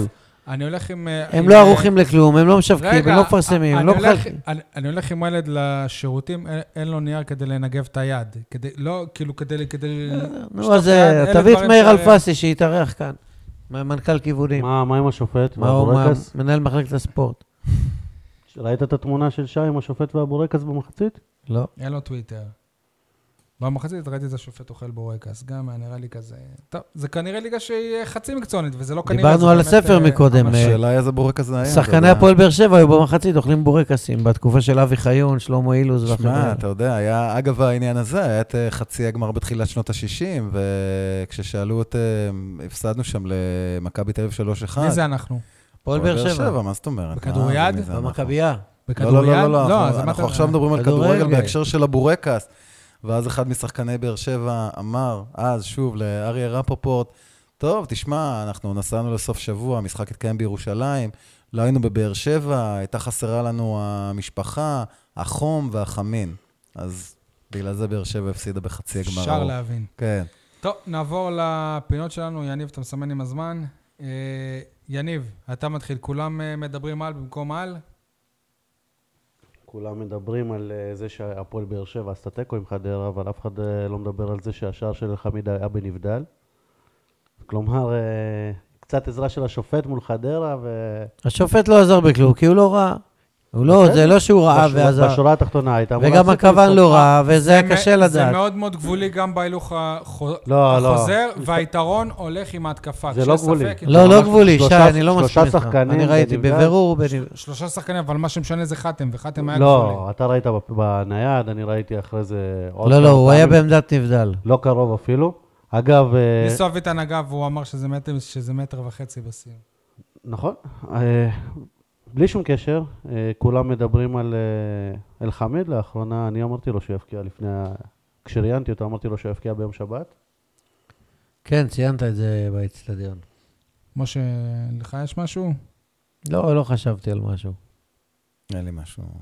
כן. אוקיי, אה, כולם מדברים על החילוף של ניב זרין במקום אה, מליקסון, כשדווקא יוני אליאס הוא זה שעמד להיכנס. ולא מדברים על זה שאני ראיתי אחרת ממה שמשה, לא יודע, כנראה שהעיניים של אחד מאיתנו הם אני לא יודע מאיפה אתה פחות ממציא את טובות. זה. לא יודע מאיפה אתה ממציא את זה. שברק בכר כפה ולא תכנן לשנות את החילוף, כפה אולי זה, כאילו אולי אז זה... אתה ראית לא אחריי, נכון. אני ראיתי אותו, אחרי זה ראיתי מישהו, אני לא. זוכר מי מהספסל שאמר לו לשנות. הוא מיד סימן. עם האצבע לאביתר אילוז, לא, לא, לא, חכה, ככה עם היד, חכה. ואז שינה את החילוף, וקרא לניב זריאן. כולם מדברים על אה, חניכת הבית האדום בשבוע שעבר, אבל אה, אף אחד לא... אבל אתה היחיד שקראתי בוויינט שכתב נכון. מה חנכו? בית שכבר קיים חמש שנים, ש, ש, שרק התאימו אותו אבל למה אתה הורס לי בעיה? לצורכי הבוגרים. לא, אני מפרגן לך. אוקיי. כולם מדברים על חניכת הבית האדום, אבל צריכים לקרוא לו הבית האדום מבחוץ. כי בפנים אין שום קשר לצבע אדום. הצבע, גם בחוץ הוא לא אדום, הוא בורדו. הצבע השולט שם הוא, אה, ש... הוא, הוא, ש... הוא שחור. עיצובית זה יפה, אבל כנראה שמי שתכנן את זה לא באמת מחובר להוואי של המועדון, כי אדום אין, אין אה, בפנים. קצת אה, חרה לי. אה, יניב, שאלת השבוע. אני, אני רוצה שאתה תתחיל הפעם. אה, אני כבר שאלתי את אה, ברק בכר כמה פעמים עד, עד, עד מתי תהיה לו סבלנות לניב זריאן. הפעם אני רוצה לשאול אותו האם תהיה לו את אותה סבלנות כלפי יוני אליאס, שכל הסימנים מראים שהוא ישחק בתקופה הקרובה. וגם יש לי שאלה ליניב אה, משה, קודם אה, דיברנו על זה, אתם עדיין מאמינים שהפועל באר שבע תזכה באליפות בסוף העונה? ברור. יניב? הפועל באר שבע תהיה אלופה, כולם יניב, צוחקים אתה- עליי. אתה קצת פחות ברור. הפועל באר שבע היא עדיין אלופה והיא תמשיך להיות אלופה. אני עדיין חושב שבאר שבע תהיה אלופה, כי מתישהו הנפילה של אה, מכבי תל אביב תגיע. כן, הנה, היא הגיעה ולא היית שם. מה זאת אומרת? היא הגיעה השבת, הם עשו תיקו לא, נפילה, נפילה זה. לאורך זמן, זה, זה. תקופה. אה, בזמן האחרון רק אה, עושה רושם שבהפועל באר שבע עושים, הכל, כאילו לא, לא מפסיקים לעשות טעויות, לא לומדים מהטעויות. אוקיי, מה שאלת השבוע שלך? שאלת השבוע שלי היא לאלונה ברקת. ראינו השבוע את משה חוגג מראיין את מסי. מה, מה קורה? מה- מתי נראה את אה, אלונה עושה משהו דומה כזה עם רונלדו? או עם שחקן בית, למשל, אה, של הפועל באר שבע? משהו שיותר היינו רוצים לראות. אתה יודע, זה משהו ש... שי, לך יש שאלה שעצבנה אותך במהלך ה- הטקס שהיה לפני המשחק, למה אתה לא מעלה את זה פה? כתבתי על זה בעיתון. כן? שמה? תגיד לה גם לטובת המאזינים שלך. שלא יכול להיות שלניסו אביטן אסור לרדת לפני משחק לכר הדשא כדי לקבל את הכבוד שהפועל באר שבע רוצה לה, להעניק לו, אבל צביקה הדר, כדי לקדם את התוכנית שלו ב, ברדיו, הוא כן יכול אה, לעלות עם, הס, עם השחקנים. בעיניי זה צרה מאוד. איך לקחת קרדיט על זה? מה? איך לקחת על זה קרדיט? ואגב, הנקודה הזו והאורח שלכם בשבוע שעבר, עוד אה, שאלה שהיא שאלת השבוע, האם ניסו אביטן יאמן מתישהו את הפועל באר שבע? האם זה יקרה? זה מזכיר לי ש... אגב, אג'נדה של שחקני בית וכולי, זה כן? מזכיר לי ששרון אביטן היה כמה שנים דיבורים שהוא יאמן את אה, הפועל באר שבע, ורק שאלי זינו כבר החליט שכאילו, שכבר הוא לא משקיע ותהיה קבוצה של שחקני בית והכול, ורגע לפני שאלונה ברקתי אה, לקחה את הקבוצה, אז מינו את שרון אביטן. אז השאלה אם... לפני שניסו אביטן, שחקן עבר, יהיה מאמן הפועל באר שבע, קודם כל שיהיה לו מנוי של שחקן עבר, שהוא יוכל לבוא לצפות במשחקים. אין לו מנוי של שחקן עבר? הוא אמר לך הוא את אמר זה שלא פה. חידשו לו השנה. אה, בסדר, נו, כי הוא לא צריך, מה? מה? מה, מה? כי הוא לא צריך.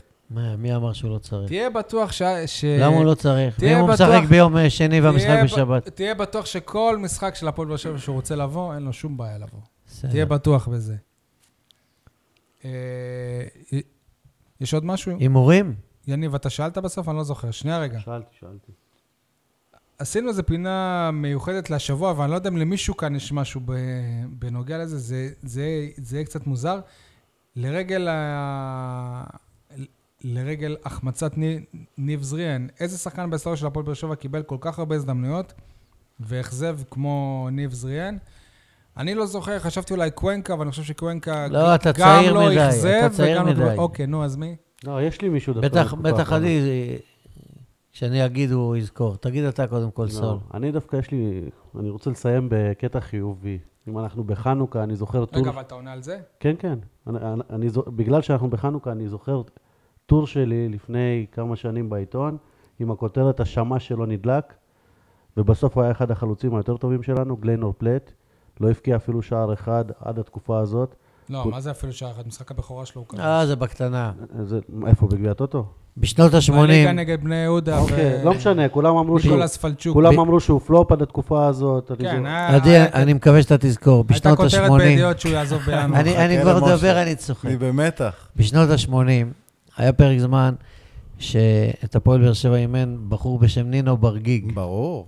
הובסנו 0-3 אה, על ידי מכבי תל אביב, ואז העיפו אותו. ואז הובא חלוץ לפועל באר שבע ממושב פטיש, נדמה לי, רונן יונה, אתה זוכר אה, אותו? ברור, מה זאת אומרת? חלוץ, איך דיברת על השחקן כדוריד? ככה. זה ערן לוי פי ארבע, פי ארבעה יש לומר.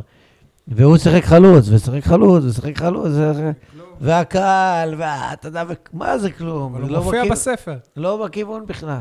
והשם שלו בספר, שיחק בהפועל באר אתה שבע. אומר זריאן. זריאן עוד עשה פעולות, הכניס גולים מול בית"ר ירושלים. יאללה, הימורים אה, כפולים. א' כל, כולנו טעינו עם חדרה, נכון, אה? נכון. אני, אני היחיד שצדקתי. אמרתי שיהיה 5-0 ודקה חמישית היה גול, אז אה, בסימן 5. בסוף הוא יעקוף אותך ככה עם הנקודות שש. כמה נקודות אני מקבל זה 5, נכון? חבר'ה, אני הולך על האקסטרים, הפועל חיפה הפסד להפועל באר שבע, סכנין תיקו. רגע, לא, לא, לא הבנתי מה. אמרת. רגע, רגע, זה אומר שאין תוכנית אחרי הפועל חיפה? נראה לי, אני לא חושב למה? ש- חופש חנוכה, אפשר בבוקר. אתה בחופש חנוכה. אפשר בבוקר, אני לא בחופש צהריים. חנוכה. שנייה, שיהיה ברור. לקראת א', סכנין, לא לא נתת תעשה? תוצאה, ב', לא הבנתי מי מי מפסידה למי. לא חייב את התוצאה. חייב. מה? איפה תקבל את הבונוס? הפועל באר שבע תפסיד 3-1 להפועל חיפה, אוקיי. משה? ותסיים באחת-אחת נגד סכנין. ואיזה בלאגן יהיה. רגע, מה אתה כבר סכנין? אולי תהיה תוכנית לפני סכנין. אולי, לא, לא נראה לי. בוא נהיה ריאליים. אנחנו עושים פה פרק של שעתיים עכשיו. הפועל באר שבע מנצחת את הפועל חיפה 3-0. סכנין אתה רוצה? מנצחת גם אה, את סכנין, 2-0. ביחד זה 5-0, כמו נגד יאללה, קיבלת. הפועל. תיקו הפועל חיפה, ניצחון לא. סכנין. מה, אז איך תיקח אליפות? לא תיקח. אני לא חושב שתיקח אליפות, אתה יודע, משה, אתה מפתיע אותי. עם האופטימיות לא, לא, לא, אה, לא, נטולת הגבולות שלך. לפי משה אנחנו ניקח שבע אליפויות. שבע אליפויות רצופות. זה מה? שכתבתי בטור שלא הכנסת לי. כן, שבע אליפויות, בסדר. והכנסת לו עכשיו. זה ייכנס במהדורה השנייה. התאפקתי. כן. משה ניר ששלח את הטור שלו כשהספר כבר עלה למכבשים. אז אה. שי אמר לי, תכתוב, יש עוד זמן, הוא אמר, זה מוצא שבת, הלכתי. שיהיה. חיכינו שיהיה. וחיכינו למשה. שיהיה. במהדורה. השנייה, במהדורה השנייה. ככה זה עיתונאים של פעם, אין להם דדליין. נו, אה, הפועל באר שבע 1-0 על הפועל חיפה, 3-0 על סכנין, עולה בגביע ומנצחת הלוואי ואתה. היית עיתונאי של פעם, שעובד איתנו באמת, והיית יודע מהי עיתונות אמיתית של שנות ה-80, העיתונות האמיתית, איך אמר לי אורי שרצקי. הוא היה עורך שלי במעריב בשנים האחרונות, שערכנו את זמן הנגב וקולבי. מנע- מוש מנע את פיטוריי. מנע את פיטוריך, וגם, כן, את פיטוריי הוא לא הצליח למנוע, אבל מישהו אחר מנע אותם בסוף, אחרי שאלונה ברקת אה, זה לא העניין עכשיו. בחשה מאחורי הקלעים. אה. אתה רק שומע אותה, אתה ישר מגונן עליה. אה, היא התפקיד- לא יכולה עכשיו להגיב לנו, תפקיד לא? הדובר הולך ומתקרב אליך. הבעל, לא? נו, מה? אה, זהו. טוב, עדי היה סבבה. הוא כל פעם מכניס לי, אני צביקה שרף, אני לא יודע זה, הסלים אצלי היו מרובעים, כאילו אני באתי מהתקופה הפרה-היסטורית. נולדתי ב-1800. בסדר, אבל על צביקה שרף אתה טעית ואתה חייב לי ארוחה בבית עפול. אמרתי שהוא זכה באליפות אירופה. אבל הוא לא זכה. זכה. עם מי? הוא לא אלוף אירופה, צבי שרף? לא. בכדורסל? בטח שלא עם מכבי תל אביב. לא, הפסיד. הפסיד, פעמיים. ככה אני. זוכר. זכה באליפות אירופה. לא, נו, אה, די, אבל אני הוכחתי. זכה. באליפות אירופה או לא? זכה בגביע אירופה למחזיקות עם פאוק סלוניקי. אה, טוב. אבל אמרת שאתה בדיאטה, שאתה לא אוכל... אה. נכון, בלי פיתה. ניתן לזה לנו בסאונד קלאוד, ביוטיוב, לעשות לייק בפייסבוק, לצייץ בטוויטר. תודה רבה לכולם, תודה רבה עדי. תודה רבה. ביי, להתראות. ביי ביי.